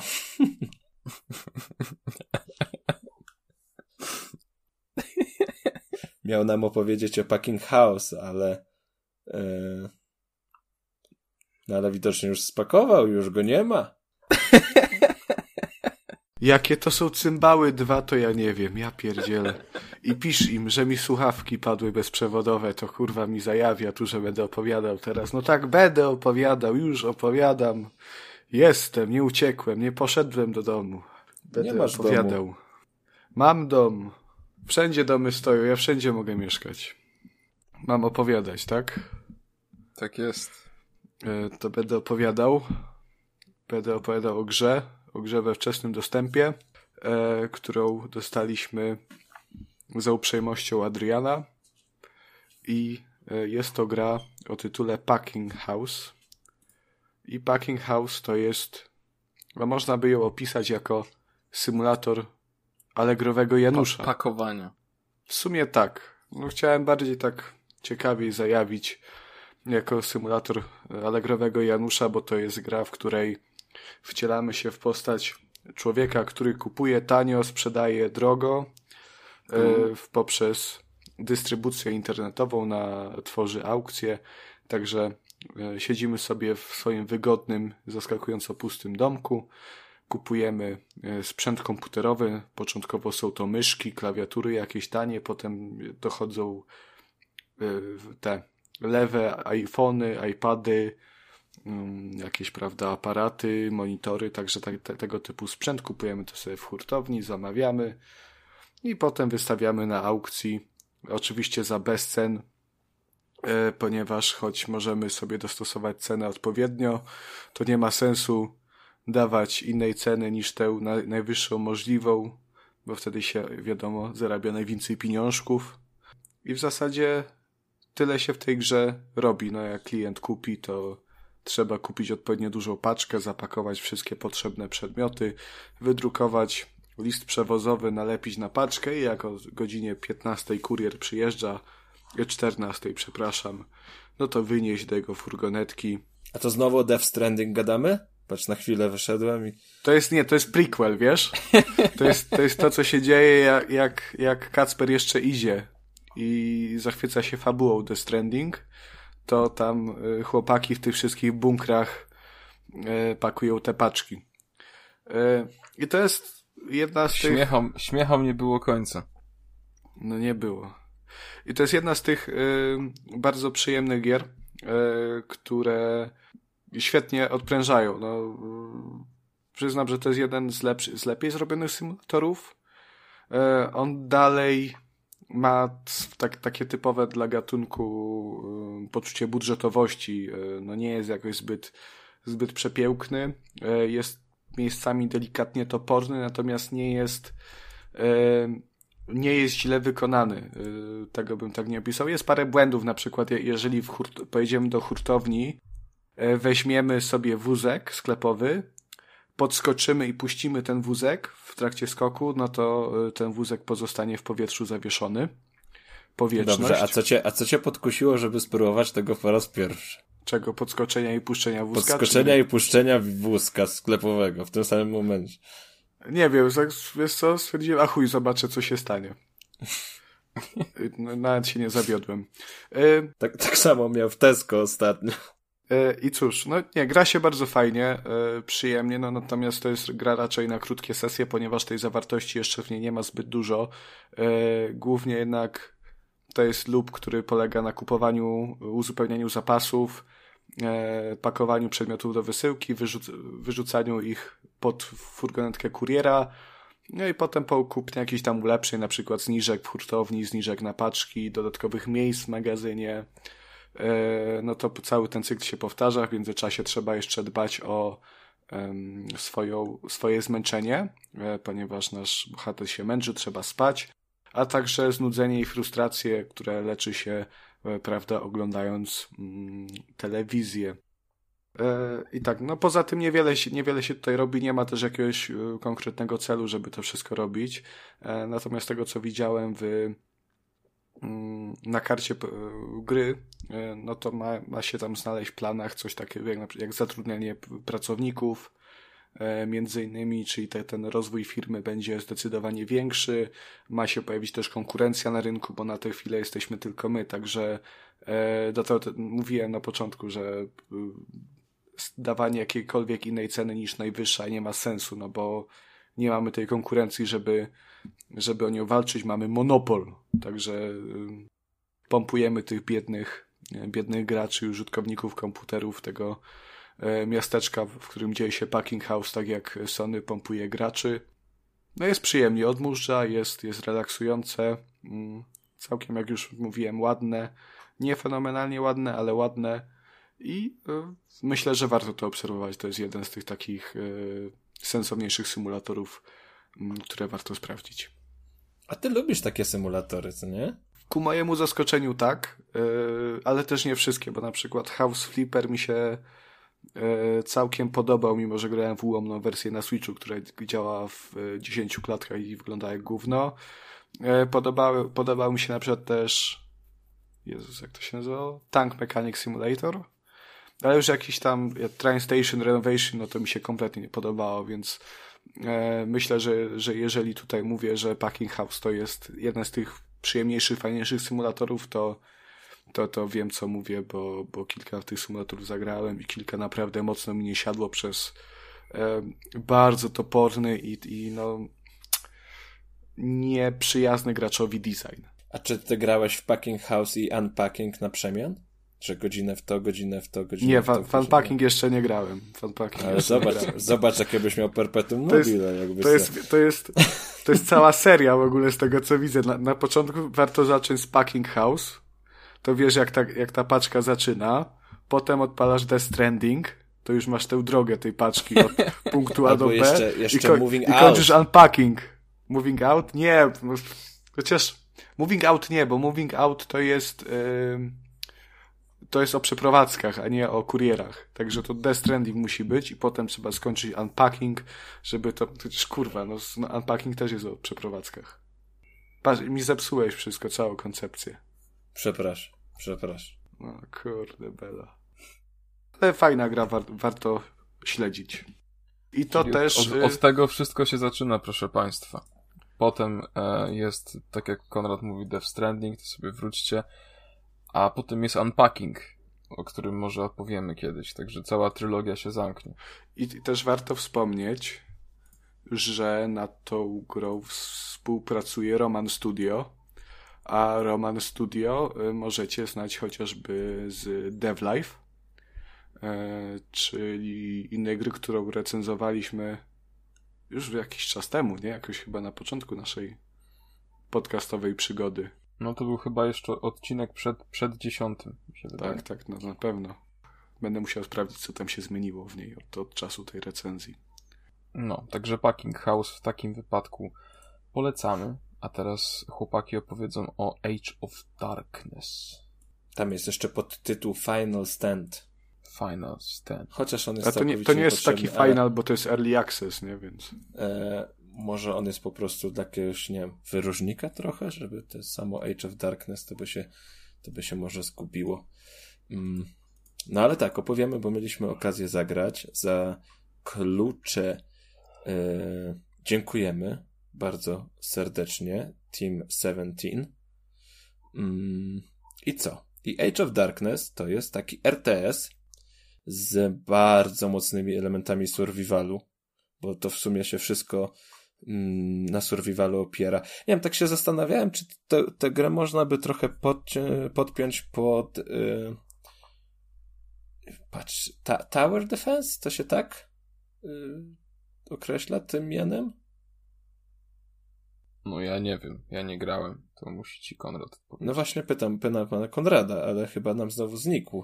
Kurde, mikrofon sobie wyciszyłem, bo kaszałem. Panie Konrad, to jest już kurwa niepoważne na tym etapie. Bo jestem niepoważny człowiek, co ja mogę. To E, jest, to jest naprawdę niepoważne. Nie, Kuba, Tower Defense nie, no bo jednak Tower No- no Defense właśnie musi tak- mieć musi E, mieć tę musi ścieżkę mieć jedną więcej, więcej, więcej towerów musi mieć, tak?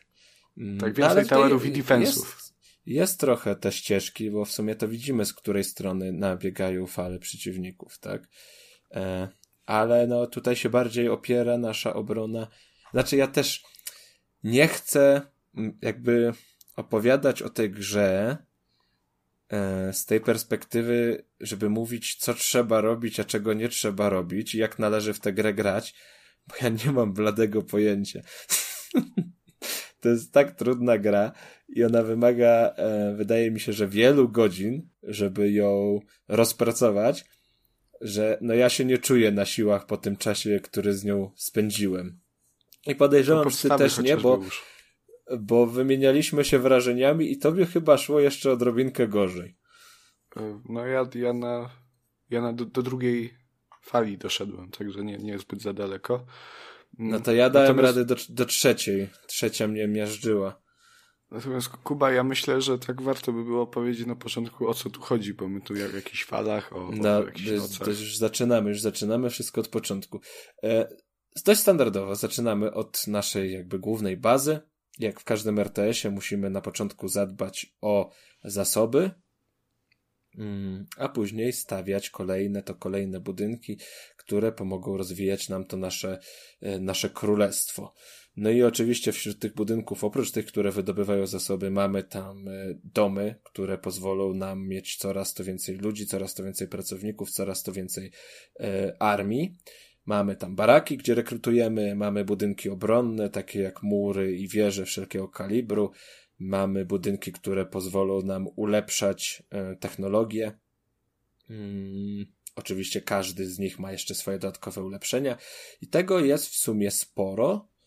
E, Szczególnie jeśli przychodzi do tych zasobów, bo, bo jest co wydobywać. No i one też mają swoją różną jakby wartość. Tam drewno możemy wydobyć dosłownie wszędzie, ale już są później takie, czym dalej w las, tym musimy mieć coraz, e, coraz więcej i coraz mocniejszych materiałów, że naprawdę e, robi się to, to sporym wyzwaniem.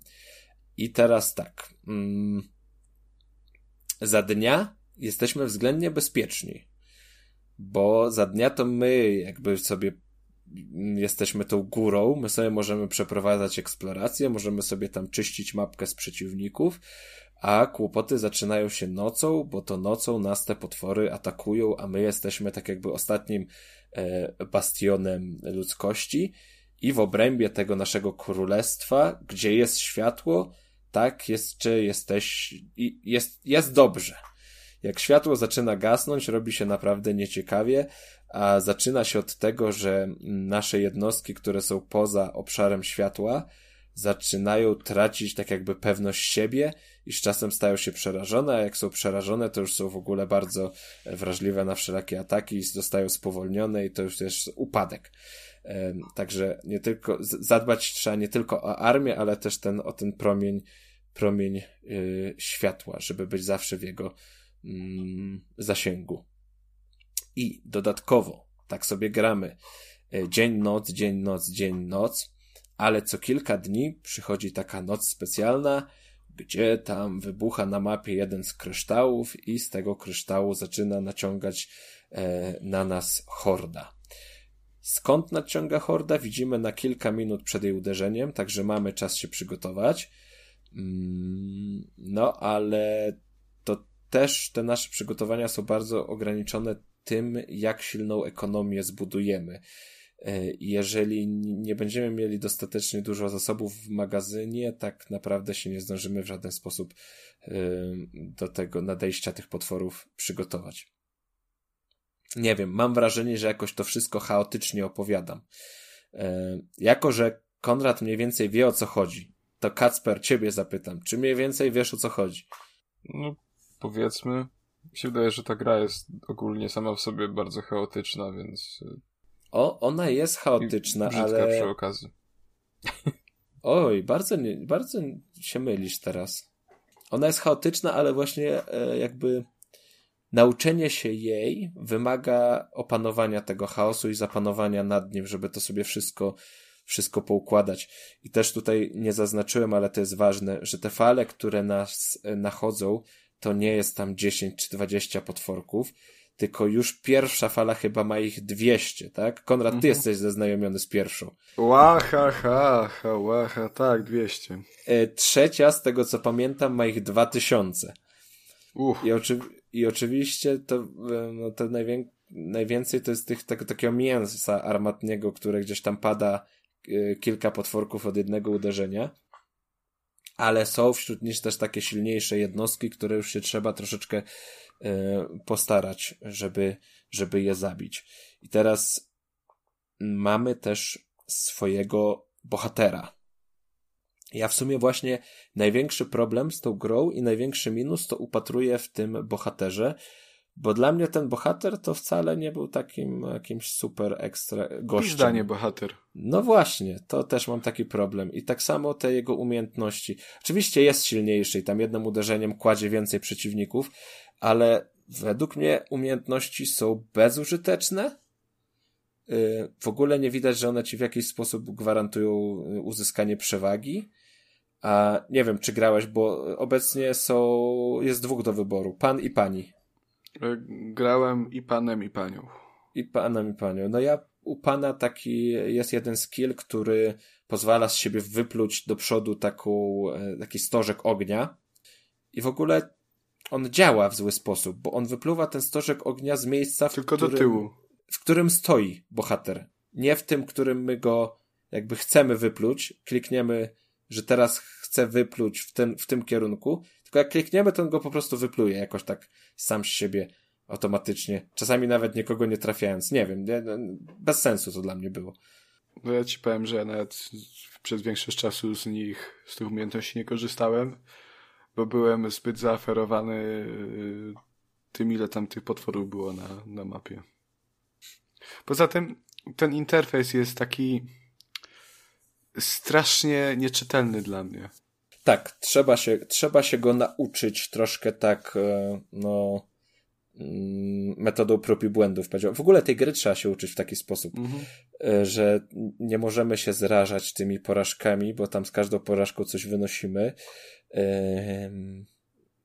No, no i wiemy, co po, po pewnym czasie wiemy, co jest warte uwagi, czego lepiej unikać i jak grać, ale mi się wydaje, że dużo osób może się odbić od tego, że ta gra jednak za każdym razem, bo tutaj nie ma elementów roguelike'owych, tak, że jak za, mm, za pierwszym razem przegraliśmy, no to dostaniemy jakieś tam stałe bonusy dla swojej postaci i jesteśmy trochę silniejsze następnym razem. Tego nie ma. Zaczynamy zupełnie od nowa grę, no i tak jak no ja grałem, że tam zabijało mnie na trzeciej fali, no to tak prawdę mówiąc, e, po tam na kolejnym zgonie nie miałem ochoty zaczynać od nowa i znowu do tej, dążyć do tej trzeciej fali, żeby się na końcu rozczarować ponownie. No to jest troszkę, no wymaga poświęcenia czasu. No to całkiem sporo, zwłaszcza, że jed- jedna fala to jest jakieś pół godziny grania chyba. No pewnie coś, coś takiego. Przy czym no ten początek to jest takie, mm, no, no po jakimś czasie można go już określać nudnawym, bo to tak robimy, robimy to samo. Ale mi To, na przykład... e, Jest jakiś multiplayer? Wygraliście razem, czy, czy każdy grał osobno? Y, Nie, na razie, na razie chyba tylko jest, jest y, dla pojedynczego gracza. To, to survival. wygląda jak, jak gra dobra właśnie pod multiplayer dla, dla dwóch osób. Mi się tak wydaje, że to... Znaczy ja nie grałem, ja mówię tylko po Ale ty byś, ty byś chciał to zrobić na zasadzie, że jedna osoba broni, a druga atakuje, czy po prostu współpraca? E, Współpraca. współpraca. No to w te, ten sposób. Mm. No nie, m- mi ta gra troszkę imponuje tą, tą jakby e ekonomią, bo to jest takie bardzo, bardzo RTS-owe, bo naprawdę trzeba, trzeba szybko i dużo, żeby tutaj sobie i tutaj gdzieś e, tartaki dobrze obsadzić i tutaj gdzieś kamieniołomy i zwiedzać tą mapę i szukać jak największej ilości tych, tych zasobów, ale to też jest takie, mm, że wszystko się po pewnym czasie robi tak rozległe, że naprawdę ciężko nad tym, nad tym zapanować. E, I troszkę miałem może problem z tym, że jednostki są wolnawe, że tak jak załóżmy miałem gdzieś grupę żołnierzy w jednym końcu królestwa i nagle szedł jakiś drobny atak, nie mówię, że duży, drobny, tam 4-5 potworków z drugiego końca królestwa, zanim ja dobiegłem tymi jednostkami swoimi do nich, to one już mi zdążyły tam zniszczyć 4-5 budynków. I to też mnie strasznie irytowało. No, prawdopodobnie to jest mój błąd, bo po prostu źle gram, bo powinienem się jakoś bardziej przygotować na obronę z każdej strony. No, ale, ale trzeba mieć do tej gry cierpliwość. No trzeba, zwłaszcza, że y, nie ma też, wydaje mi się, takich podstawowych mechanik, jak chociażby przyspieszenia y, czasu. No, ale tutaj przyspieszanie czasu to by się w ogóle nie sprawdziło. Tutaj jest tyle do roboty w trakcie każdego dnia, moim zdaniem, że tutaj nie ma czasu nawet na przyspieszanie czasu. I tak wydaje mi się, że jest to opcja, którą warto by To, było to ciekawe, dodać. co mówisz w sumie. Ja no, w RTS-y nie grałem, ale właśnie mi się zawsze Nigdy? opcja... Y, znaczy, tak na poważnie to mi się nie zdarzyło. Wiadomo, tam czasami coś tam sobie poszpiliłem, ale, Ale, tak, ale żeby... przyspieszanie poważnie to czasu nie. to jest domena bardziej jakichś city builderów, to nie jest RTS-owe, no. Yy, no w RTS-ach nie ma czasu na przyspieszanie czasu. Tu się klika non-stop. Tu jest zawsze coś do roboty. E, tam dupa tam.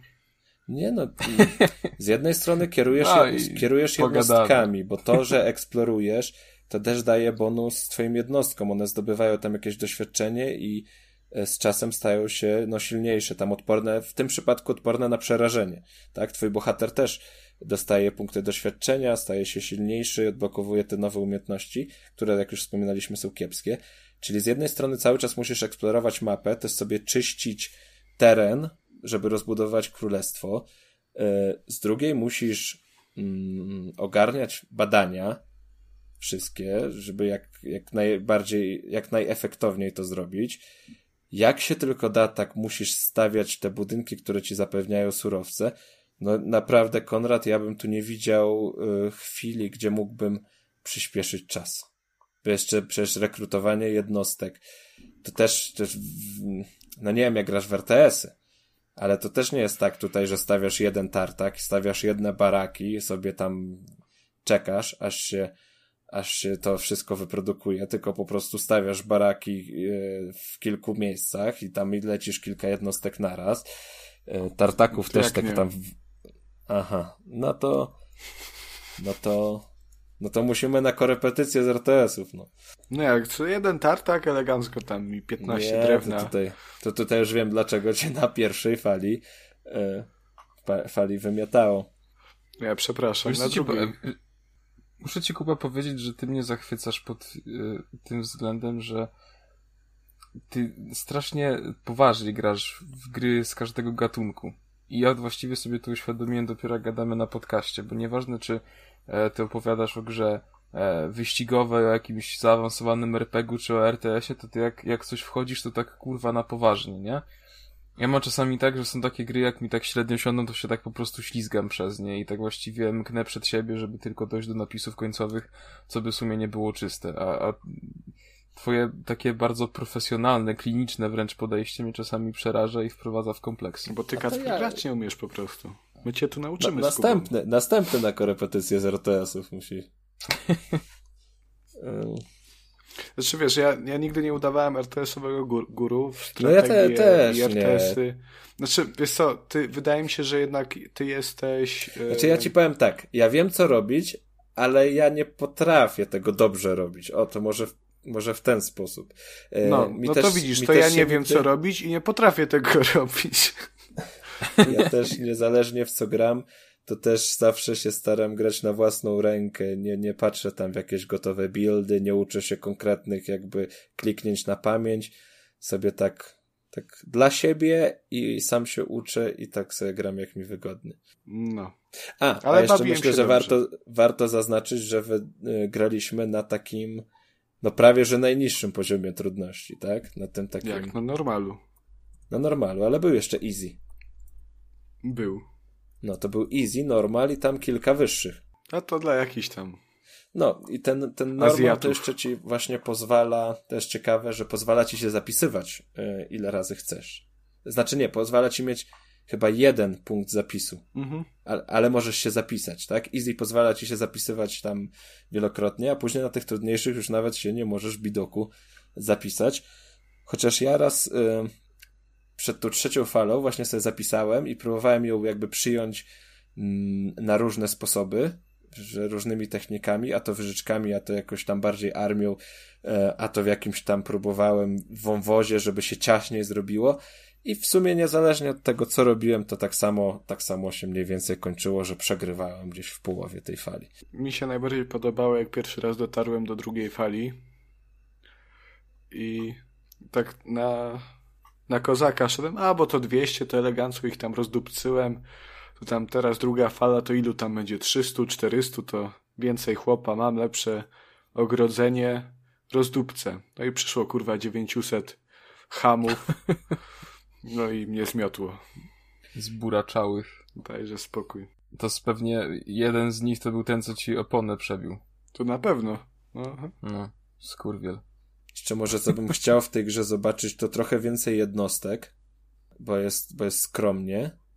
Na start mamy dwie, potem chyba jeszcze, jeszcze dodatkowe dwie są, nie? Dwie dochodzą, tak.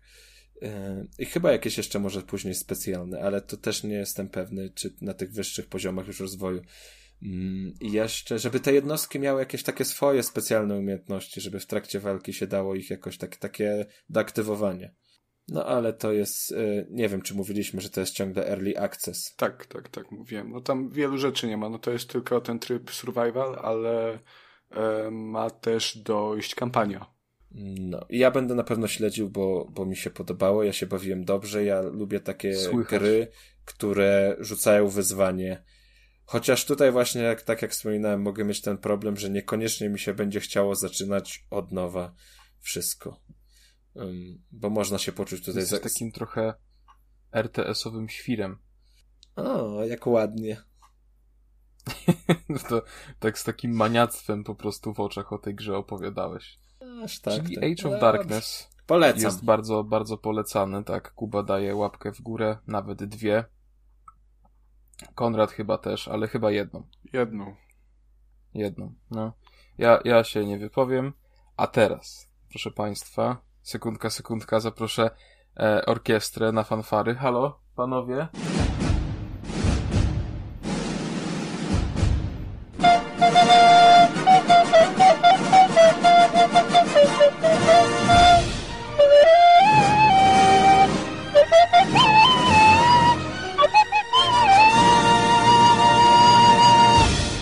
Trójkast Game Awards.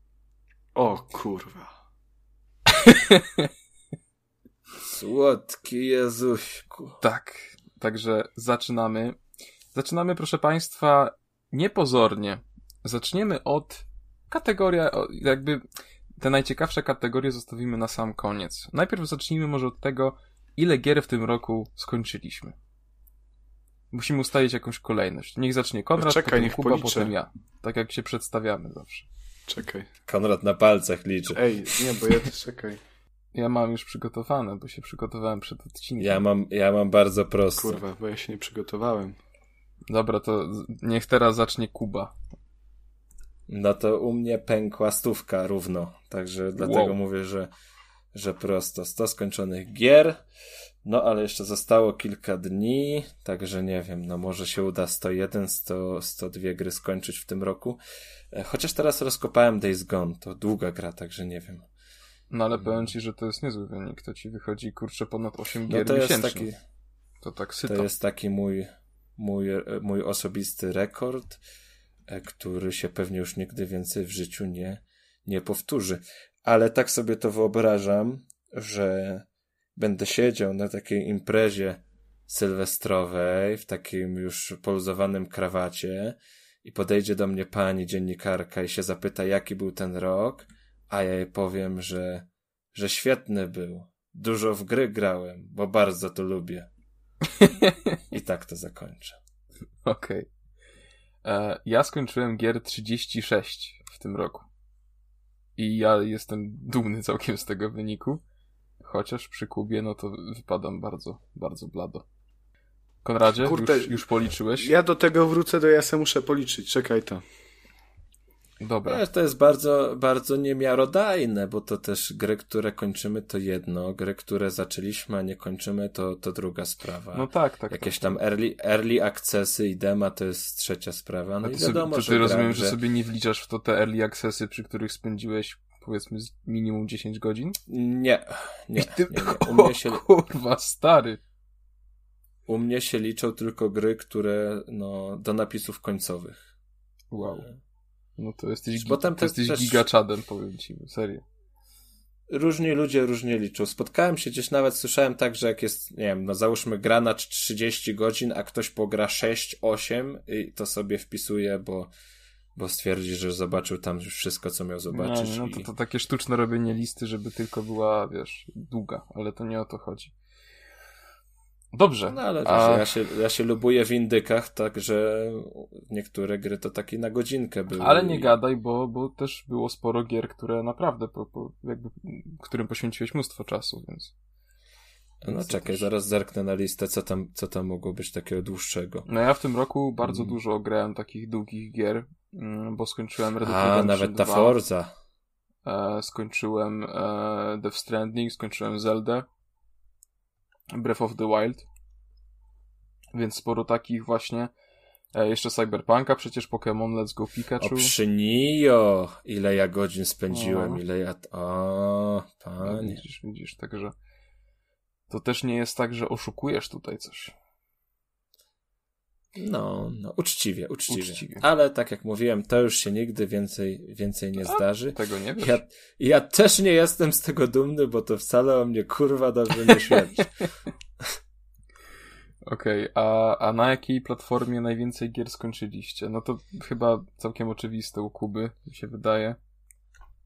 No u mnie to, to, to PC, tak. PC, No tam no. kilka tytułów było na Switchu. Y, mobilnie to może z jeden. U mnie policzyłem to, co ciekawe, egzekwo PS4 i PS5. I tu i tu skończyłem po 12 gier w tym roku. Reszta na 3DS-ie Ale i na Switchu. że łącznie miałeś... A, dobra. Właśnie miałem. Czyli wszędzie po 12. A nie, bo ten... Na Nintendo, chyba że policzymy Nintendo. po No to, no to można, no to w sumie rację, to się tak fajnie, fajnie układa. A Czekaj, bo Konrad dalej, dalej liczy te Liczę, gry. liczę, ale... y, 1500! kurwa. Nie. Skończyłem. Na razie jestem na, Cztery! na, na razie jestem na 41 i 10 dodatkach, więc, więc, więc chill. E, ale wydaje mi się, że najwięcej skończyłem paradoksalnie chyba też na PC-cie. E, Okej. Albo. A to myślałem, że u ciebie A taki, a taki potężny Xbox, a patrz na PC. Taki potężny. Bo na PC same gównogierki, więc co ja mogę. E, ale no, no tak jakoś by wychodziło właśnie. Że, że PC, Xbox egzekwo mi się wydaje. Dobrze, w takim razie. Najgorętsza pozycja z kubki wstydu, którą ruszyliśmy dopiero w tym roku. Hmm. Hmm. Kuba, Hmm. lecisz. Patrzę, patrzę, patrzę, patrzę, patrzę, patrzę. Mm. Mm, mm, mm. A najgorętsza to jest taka, którą trzeba znać, a się nie znało, czy... No, powiedzmy, taka bardzo, bardzo potężna marka, potężna gra, którą powinieneś przejść już dawno, a, a do tej pory gdzieś zwlekałeś z tym. To Icewind Dale 2. A ja To czekaj, u mnie to a- jest- A, a ja Dead Space bym powiedział. Dead Space, okej. E, To u mnie to będzie w takim razie mm, z takich flagowców powiedzmy, to to będzie na pewno Red, Red, Red Dead Redemption 2 i Death Stranding, e, a z gier Nintendowych to będzie na pewno Breath of the Wild i myślę, że e, Luigi's Mansion 2. Ale to co, to, to, to 3DS-ie. kubka wstydu, to, to, to przecież świeżynki ty podajesz, Kacper. No ale tak czy siak, no wiesz, Red Dead Redemption ma już swoje lata, powinienem znać, a nie znałem, dopiero w tym roku poznałem. A czekaj, o jedynce mówisz czy o dwójce? O dwójce. O dwójce, no to wcale nie jest takie stare. Że dwójka to jest świeża gra, o czym ty mówisz teraz. No właśnie. Jakbyś Kacper- jedynki Kacper- nie znał. Kacper to ma taką malutką kubkę wstydu. Na, nawet, nawet podczas po prostu trójkastowych nagród cię zjadą. Dobrze, taka gra, że nawet jak się chciało iść siku, to się nie poszło, bo się grało. Kuba. E, no to Nio chyba. E, dwa. Nie. Okej, nie spodziewałem się, Konrad. San Andreas. Okej. Chociaż ja to bym jeszcze E. wrzucił, wrzuciłbym e, tegoroczną polską grę Arboria. I to też taki roguelike był i ja w niego wygrałem tam 40 godzin. E, no i powiem ci, że tam się, no, też był taki stresik, że, że siedziałem i chciałem wygrać i się nie udawało. Okej. To u mnie to będzie, e, myślę, że właśnie Breath of the Wild i Death Stranding. To były dwie takie gry, od których bardzo ciężko mi było oderwać. Naprawdę, to mamy inne postrzeganie, bo ja się nie mogę oderwać, jak mam coś, jakieś wyzwanie. A w, e, przy Death Stranding to sobie mogłeś na, na jakimś po prostu filmiku wyjść się odlać na spokojnie, wrócić i nawet byś pewnie są najważniejsze. za dużo nie stracił Kujo- z fabuły. Kujumbo.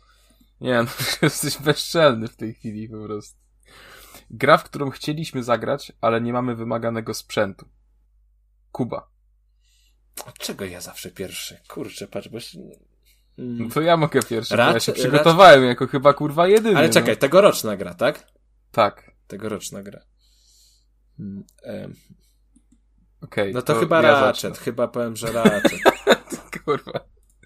Okej, czyli Kuba, Ratchet i Clank, Rift Apart. U mnie to jest Forza Horizon 5. Konrad? Konrad ma wszystkie platformy. Chyba też Ratchet, ale to też jakoś też tak Ratchet. bez, bez jakiegoś szału wielkiego. Znaczy, jak, Okej. nie, jak nie tegoroczny, to bym powiedział, że Beat Saber. Okej, też, no w sumie rację. To, to też bym się mógł zgodzić z tym, bo też bym to chciał sprawdzić. Mm, Okej, teraz takie pytanie podchwytliwe. Najgorsza gra, którą dostaliśmy do recenzji. Podchwytliwe jak cholera. Odpowiedź jest tylko jedna. The Spirit. The Spirit u mnie Ja, tak ja samo, to no. wyparłem w ogóle z pamięci, bo teraz się zastanawiam, zastanawiałem. A no The Spirit musi być. No, musi być, musi być. To trzy statuetki Dobra. zgarnął The Spirit w tym, za tą kategorię. Chociaż ja jeszcze Słaba ten, gra. e, jeszcze miałem takiego mm, Mi- Midnight Caravan to się chyba nazywał. To było do tego stopnia zepsute, że A, tego to, się nie, nie dało działało. skończyć. No. Okej. No to też, okej, dobra. Ale to, to drugie miejsce, pierwsze miejsce i tak Spirit. Nie, no to nie, nie, nie. Nie ma nawet Dobra, o czym kolejne? rozmawiać. Słaba gra, której poświęciliśmy zdecydowanie za dużo czasu. Znaczy, gra, której poświęciliśmy więcej czasu niż powinniśmy. O, w ten sposób. Kingdoms of Amalur. Okej. Dzisiaj sprawdzałem. Bo Konrad Zdecydowanie. Jeszcze znowu w to 70 dodatek godzin. wyszedł. Eee, to chyba Dungeons and Dragons Dark Alliance. Okej. U mnie to FIFA 22. Zdecydowanie. No i kilka meczów we, we futbol rozegrałem też.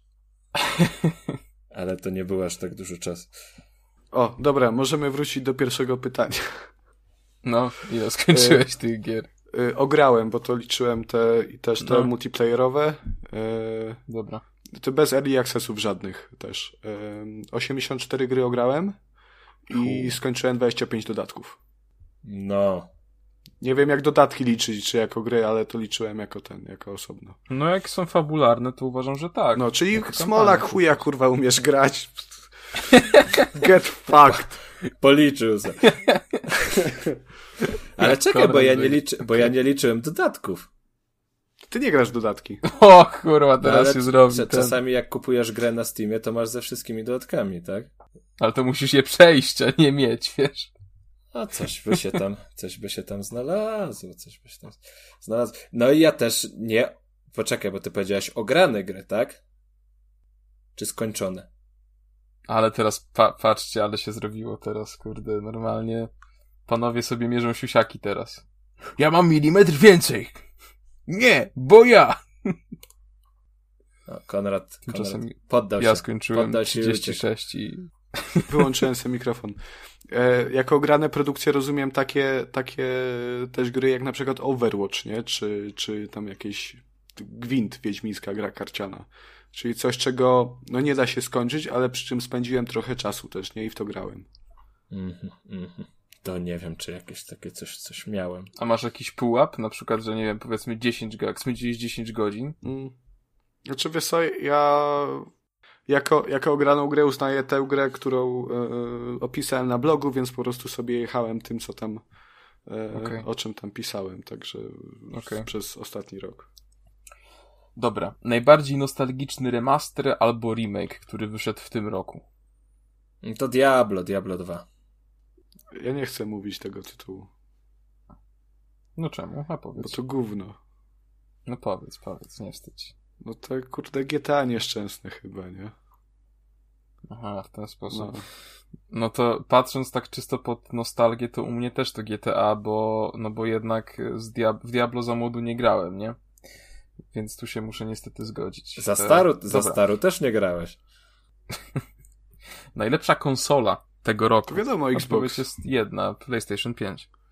To mam rozstrzygnąć? PC się, PC się nie liczy, Kuba. To sobie wybierajcie, co se chcecie w takim to układzie. Dobra, najlepszy... Ale ja jestem mózgo- team, team Xbox. A, szachmat. e, Get to jednak fucked, PC soniarzu. Je, jednak, jednak PC się liczy. Jak to ujął wczoraj Kuba, najlepszy mózgorozjebywacz. O, ja to wymyśliłem i się na to nie przygotowałem nawet. Zdefiniuj jest mi to, bo nie rozumiem. No, coś, co ci rozjebało mózg. masz takie wow.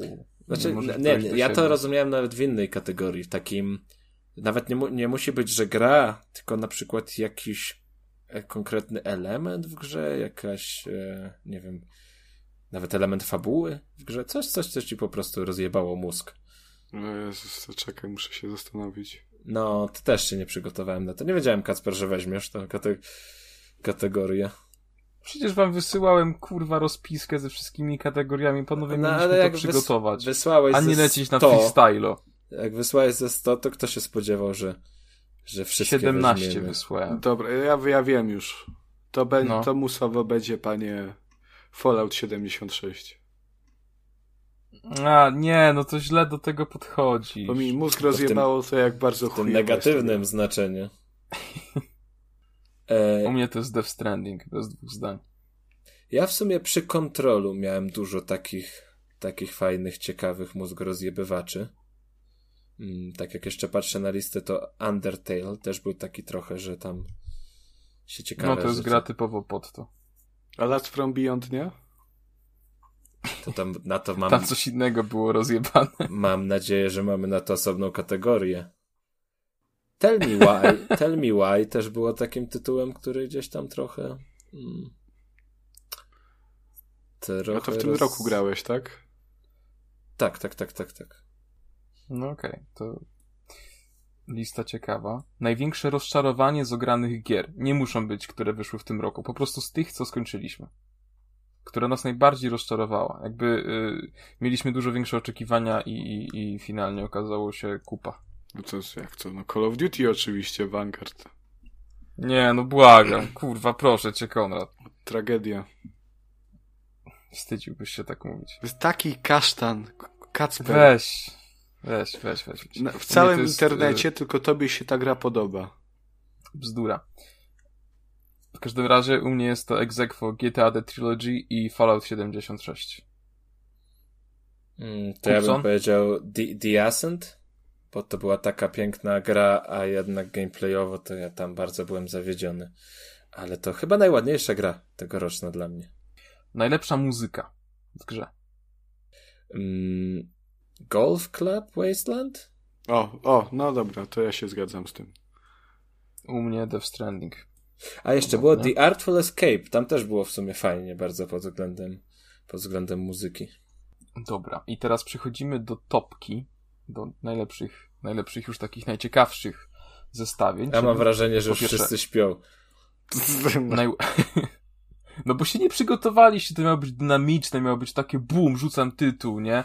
Specjalnie mówiłem, przygotujcie się. Ale tak byś To nam dał, tak jak na, na, na The. Game Awards, że pięć tytułów do wyboru, no to by było elegancko, no.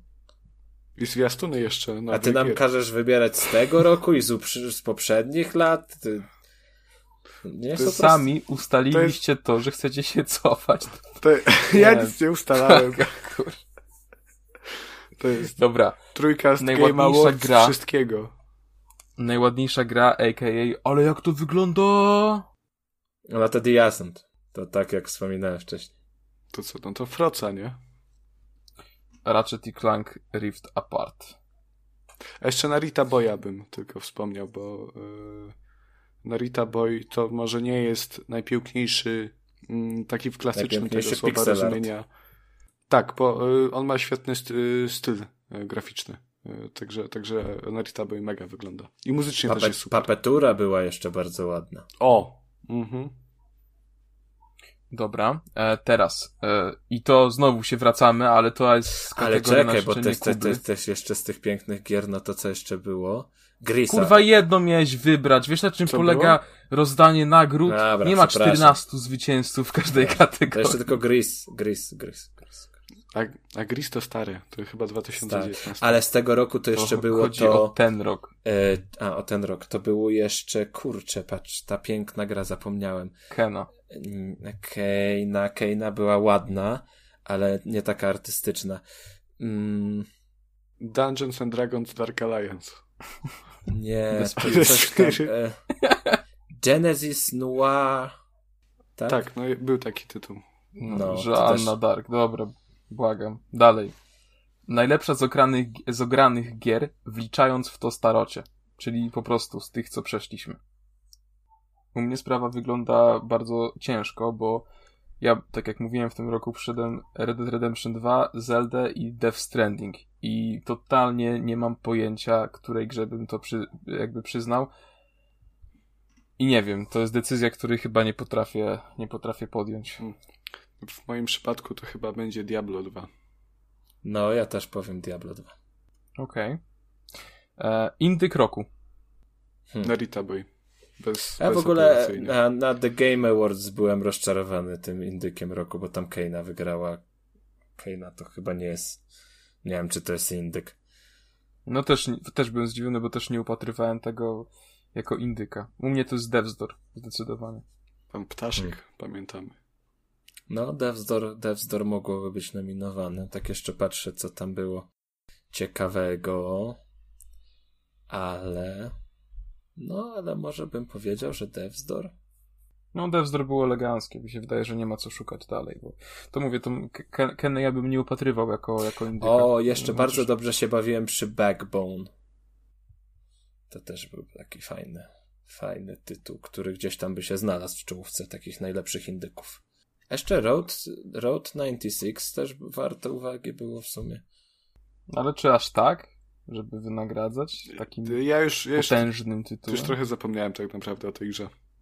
Nie wiem, tak patrzę Dobra. z listy, proszę nie krzyczeć. Klapa roku. Z tego roku. Znaczy, kurwa, no jak to jest? No GTA, no. No GTA. Co innego. Chyba GTA. GTA. Dużo było Dobra. słabych gier, jak na przykład Battlefield, Call of Duty. A czekaj, bo ja cały czas mam w głowie, że my mamy wybierać z, gier, z gier w które graliśmy. Muszę z tego... Ja nie wiem, Kacper tak to poprowadził, że ja nie wiem, co my wybieramy w końcu. Się muszę z tego przełączyć. Panowie, co kategorie, to wam mówię. Czy to chodzi o gry wszystkie, które przeszliśmy, czy o gry z tego roku? Wysłałem wam kategorię wczoraj, kurwa. Ja nie rozumiem, nie rozumiem, co poszło nie tak. To jest... wczoraj, tylko dzisiaj. Proszę państwa, oficjalnie z przykrością ogłaszam, że pierwsze Trójkast Game Awards są lekką porażką. No Kasper położył organizację niestety. Kurwa. Dobra, ostatnie kategorie. Gra roku 2021. Tego roku. Nie którą przeszliście w tym roku, tylko gra, która, najlepsza gra, która wyszła w tym roku. No to Ale ja jak, chyba... jak wyszła w tym roku i ją przeszedłem, to może być, tak? Co? Może być, cokolwiek chcesz. Cokolwiek chcesz, Konradku, mów, mów. No to nie wiem, to chyba Forza będzie najlepsza. A, a czy Diablo się liczy? Mm, ale jak masz na myśli remake, czy... Ta, no, no remake, remake, remake. No chyba nie chcesz dać remake'owi A czemu nie? tytuł... A nie, no, bo... Mm. To nie jest Jak wyszedł taki, w tym roku? To nie był se taki byle jaki, tylko to był taki, który spełnił moje młodzieńcze marzenia. No dobrze, u mnie to jest Ratchet i Clank Rift Apart. Okej, okay, to teraz jeszcze e, dodatkowe A czemu nie Death Stranding? Bo nie wyszło. Wyszło. kurwa, Na PS5 wyszło. Director's Cut. Ja nie grałem w Director's Cut, więc się nie wypowiem. Boże, nie grał w Director's Cut. Taki fan, a nie grał. Wow. To jakbyś nie przeszedł w ogóle. To, to, to dawaj paszport Kojimy. Dobra, doda kategorie dodatkowe. Pierwsza. Najlepsza gra o ruchaniu kamieni. Call of Duty Vanguard.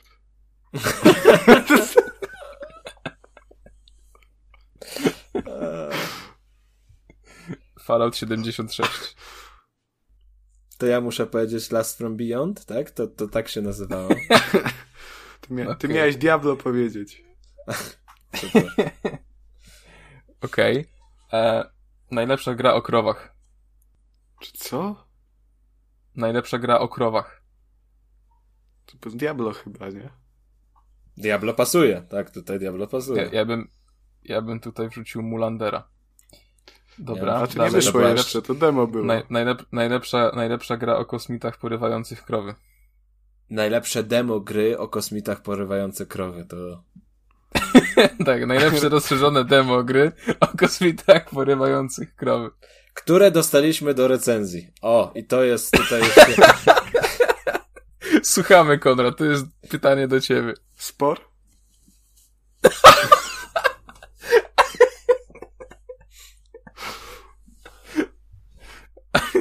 Okej. To jest, Dobra. to jest, to jest tr- tr- trójka z Game Awards, same złe odpowiedzi, tak? Kurwa, no, można by to było tak podsumować.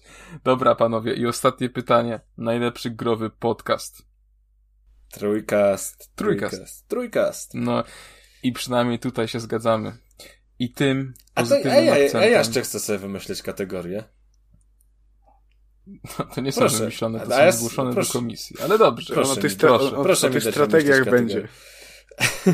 Och, E, najgorszy indyk, jaki Kuba zapowiedział. ulubiony... O, to możemy zrobić. To możemy zrobić. A to The Spirit, The Spirit znowu wygra. E, ulubiony odcinek Trójkastu tegoroczny. O kurczę. O kurczę, to jest, to jest trudne pytanie. To na pewno nie trzeci. Nie, Trze- trzeci, to była poracha, ale... Ja myślę, że to chuj, czwarty odcinek fajnie wyszedł. Był całkiem był zabawny, pomimo tego, że to był czwarty odcinek. Myślę, że kamień z nogą jest y, pewnego rodzaju y, takim essentialem naszego podcastu. Ale miałeś wybrać jeden! No i wydaje mi się, że powinniśmy, powinniśmy jednak tutaj też odcinek z e, prezem wyznaczyć. Tak. Jako ten jeden z takich lepszych, bo to był, to był bardzo fajny odcinek, który też nam dodał wiatru, wiatru w żagle, także to na pewno też było takie jedno z większych, fajniejszych wydarzeń tego roku. Przynajmniej No z mojej perspektywy, ale myślę, że dla naszego podcastu również. Też chciałem głosować na ten odcinek, bo było Diablo, a ja w tym roku tak jestem zadiabloczony jestem.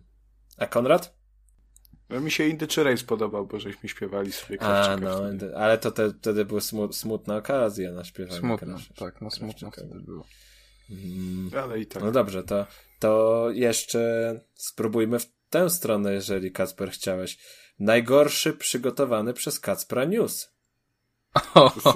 To kolor, każdy, kolorki. kurwa. Kolorki też, tak, kolorki do Switcha. Mm, No to dobrze, to jedźmy z tym najgorszym indykiem przygotowanym przez moją skromną osobę. No, no tutaj wydaje mi się, że druga statuetka ląduje w ręce The Spirit. Chyba jednogłośnie, co? Czy wiesz co, no nie wiem, bo ta Joanna Dark jeszcze mi tak chodzi No po to głowie, też bo, nie, bo w było. ogóle nie wyszła. No to też, to, to, to też jest prawda. Ale nie, no myślę, że jednak to The Spirit to większa klapa. Ale teraz ja mam jeszcze jedną kategorię. Najlepsza gra bez ekwipunku. A co, co? Co to znaczy? The Aha, Spirit najlepsza gra.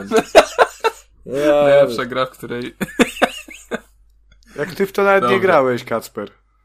grałem 15 minut. No właśnie. Trzy godziny, kurwa. Trzy godziny. Dobrze. Drodzy słuchacze, wesołych świąt i szczęśliwego nowego roku. Odejdźcie od komputera, spędźcie trochę czasu. Z... Żartowałem, kurwa, grajcie w gry. Jak macie wolne, to grajcie w gry, bo to jest jedyna, jedyne dobro w naszym życiu. E, I słuchajcie trójkastu, bo to jest drugie, jedyne dobro, dobro w naszym życiu. Bardzo Wam dziękujemy za ten rok, bo był to właściwie pierwszy pełny rok trójkastu i, i rok, który nam dał bardzo dużo możliwości. Was, słuchaczy, przybyło wiele na wszystkich platformach. Jesteśmy z tego powodu bardzo wdzięczni i mamy nadzieję, że zostaniecie z nami na dłużej i w przyszłym roku będzie nas jeszcze więcej. E, wesołych świąt spędźcie w rodzinnym gronie. Dużo zdrowia przede wszystkim, bo mamy czasy jakie mamy, e, więc zdrowie się przyda. Dużo oczywiście pieniędzy, szczęścia, miłości i, i ogólnie nawzajem. Szczę- Tak samo szczęśliwego nowego roku. Tam się uwalcie elegancko w Sylwestra, poglądajcie jakieś fajerwerki i wejdźcie w nowy rok z pompą. Także wszystkiego dobrego całej trójkastowej załogi. No i do usłyszenia w przyszłym roku. Trzymajcie się i na razie. A za mikrofonami był Konrad Noga, Wesołych świąt wszystkim. Kuba Smolak Dzięki za uwagę, wesołych świąt i do zobaczenia, w do usłyszenia w przyszłym roku. i Kacper Cembrowski, czyli ja. I również Wam bardzo, bardzo dziękuję. Trzymajcie się i hej.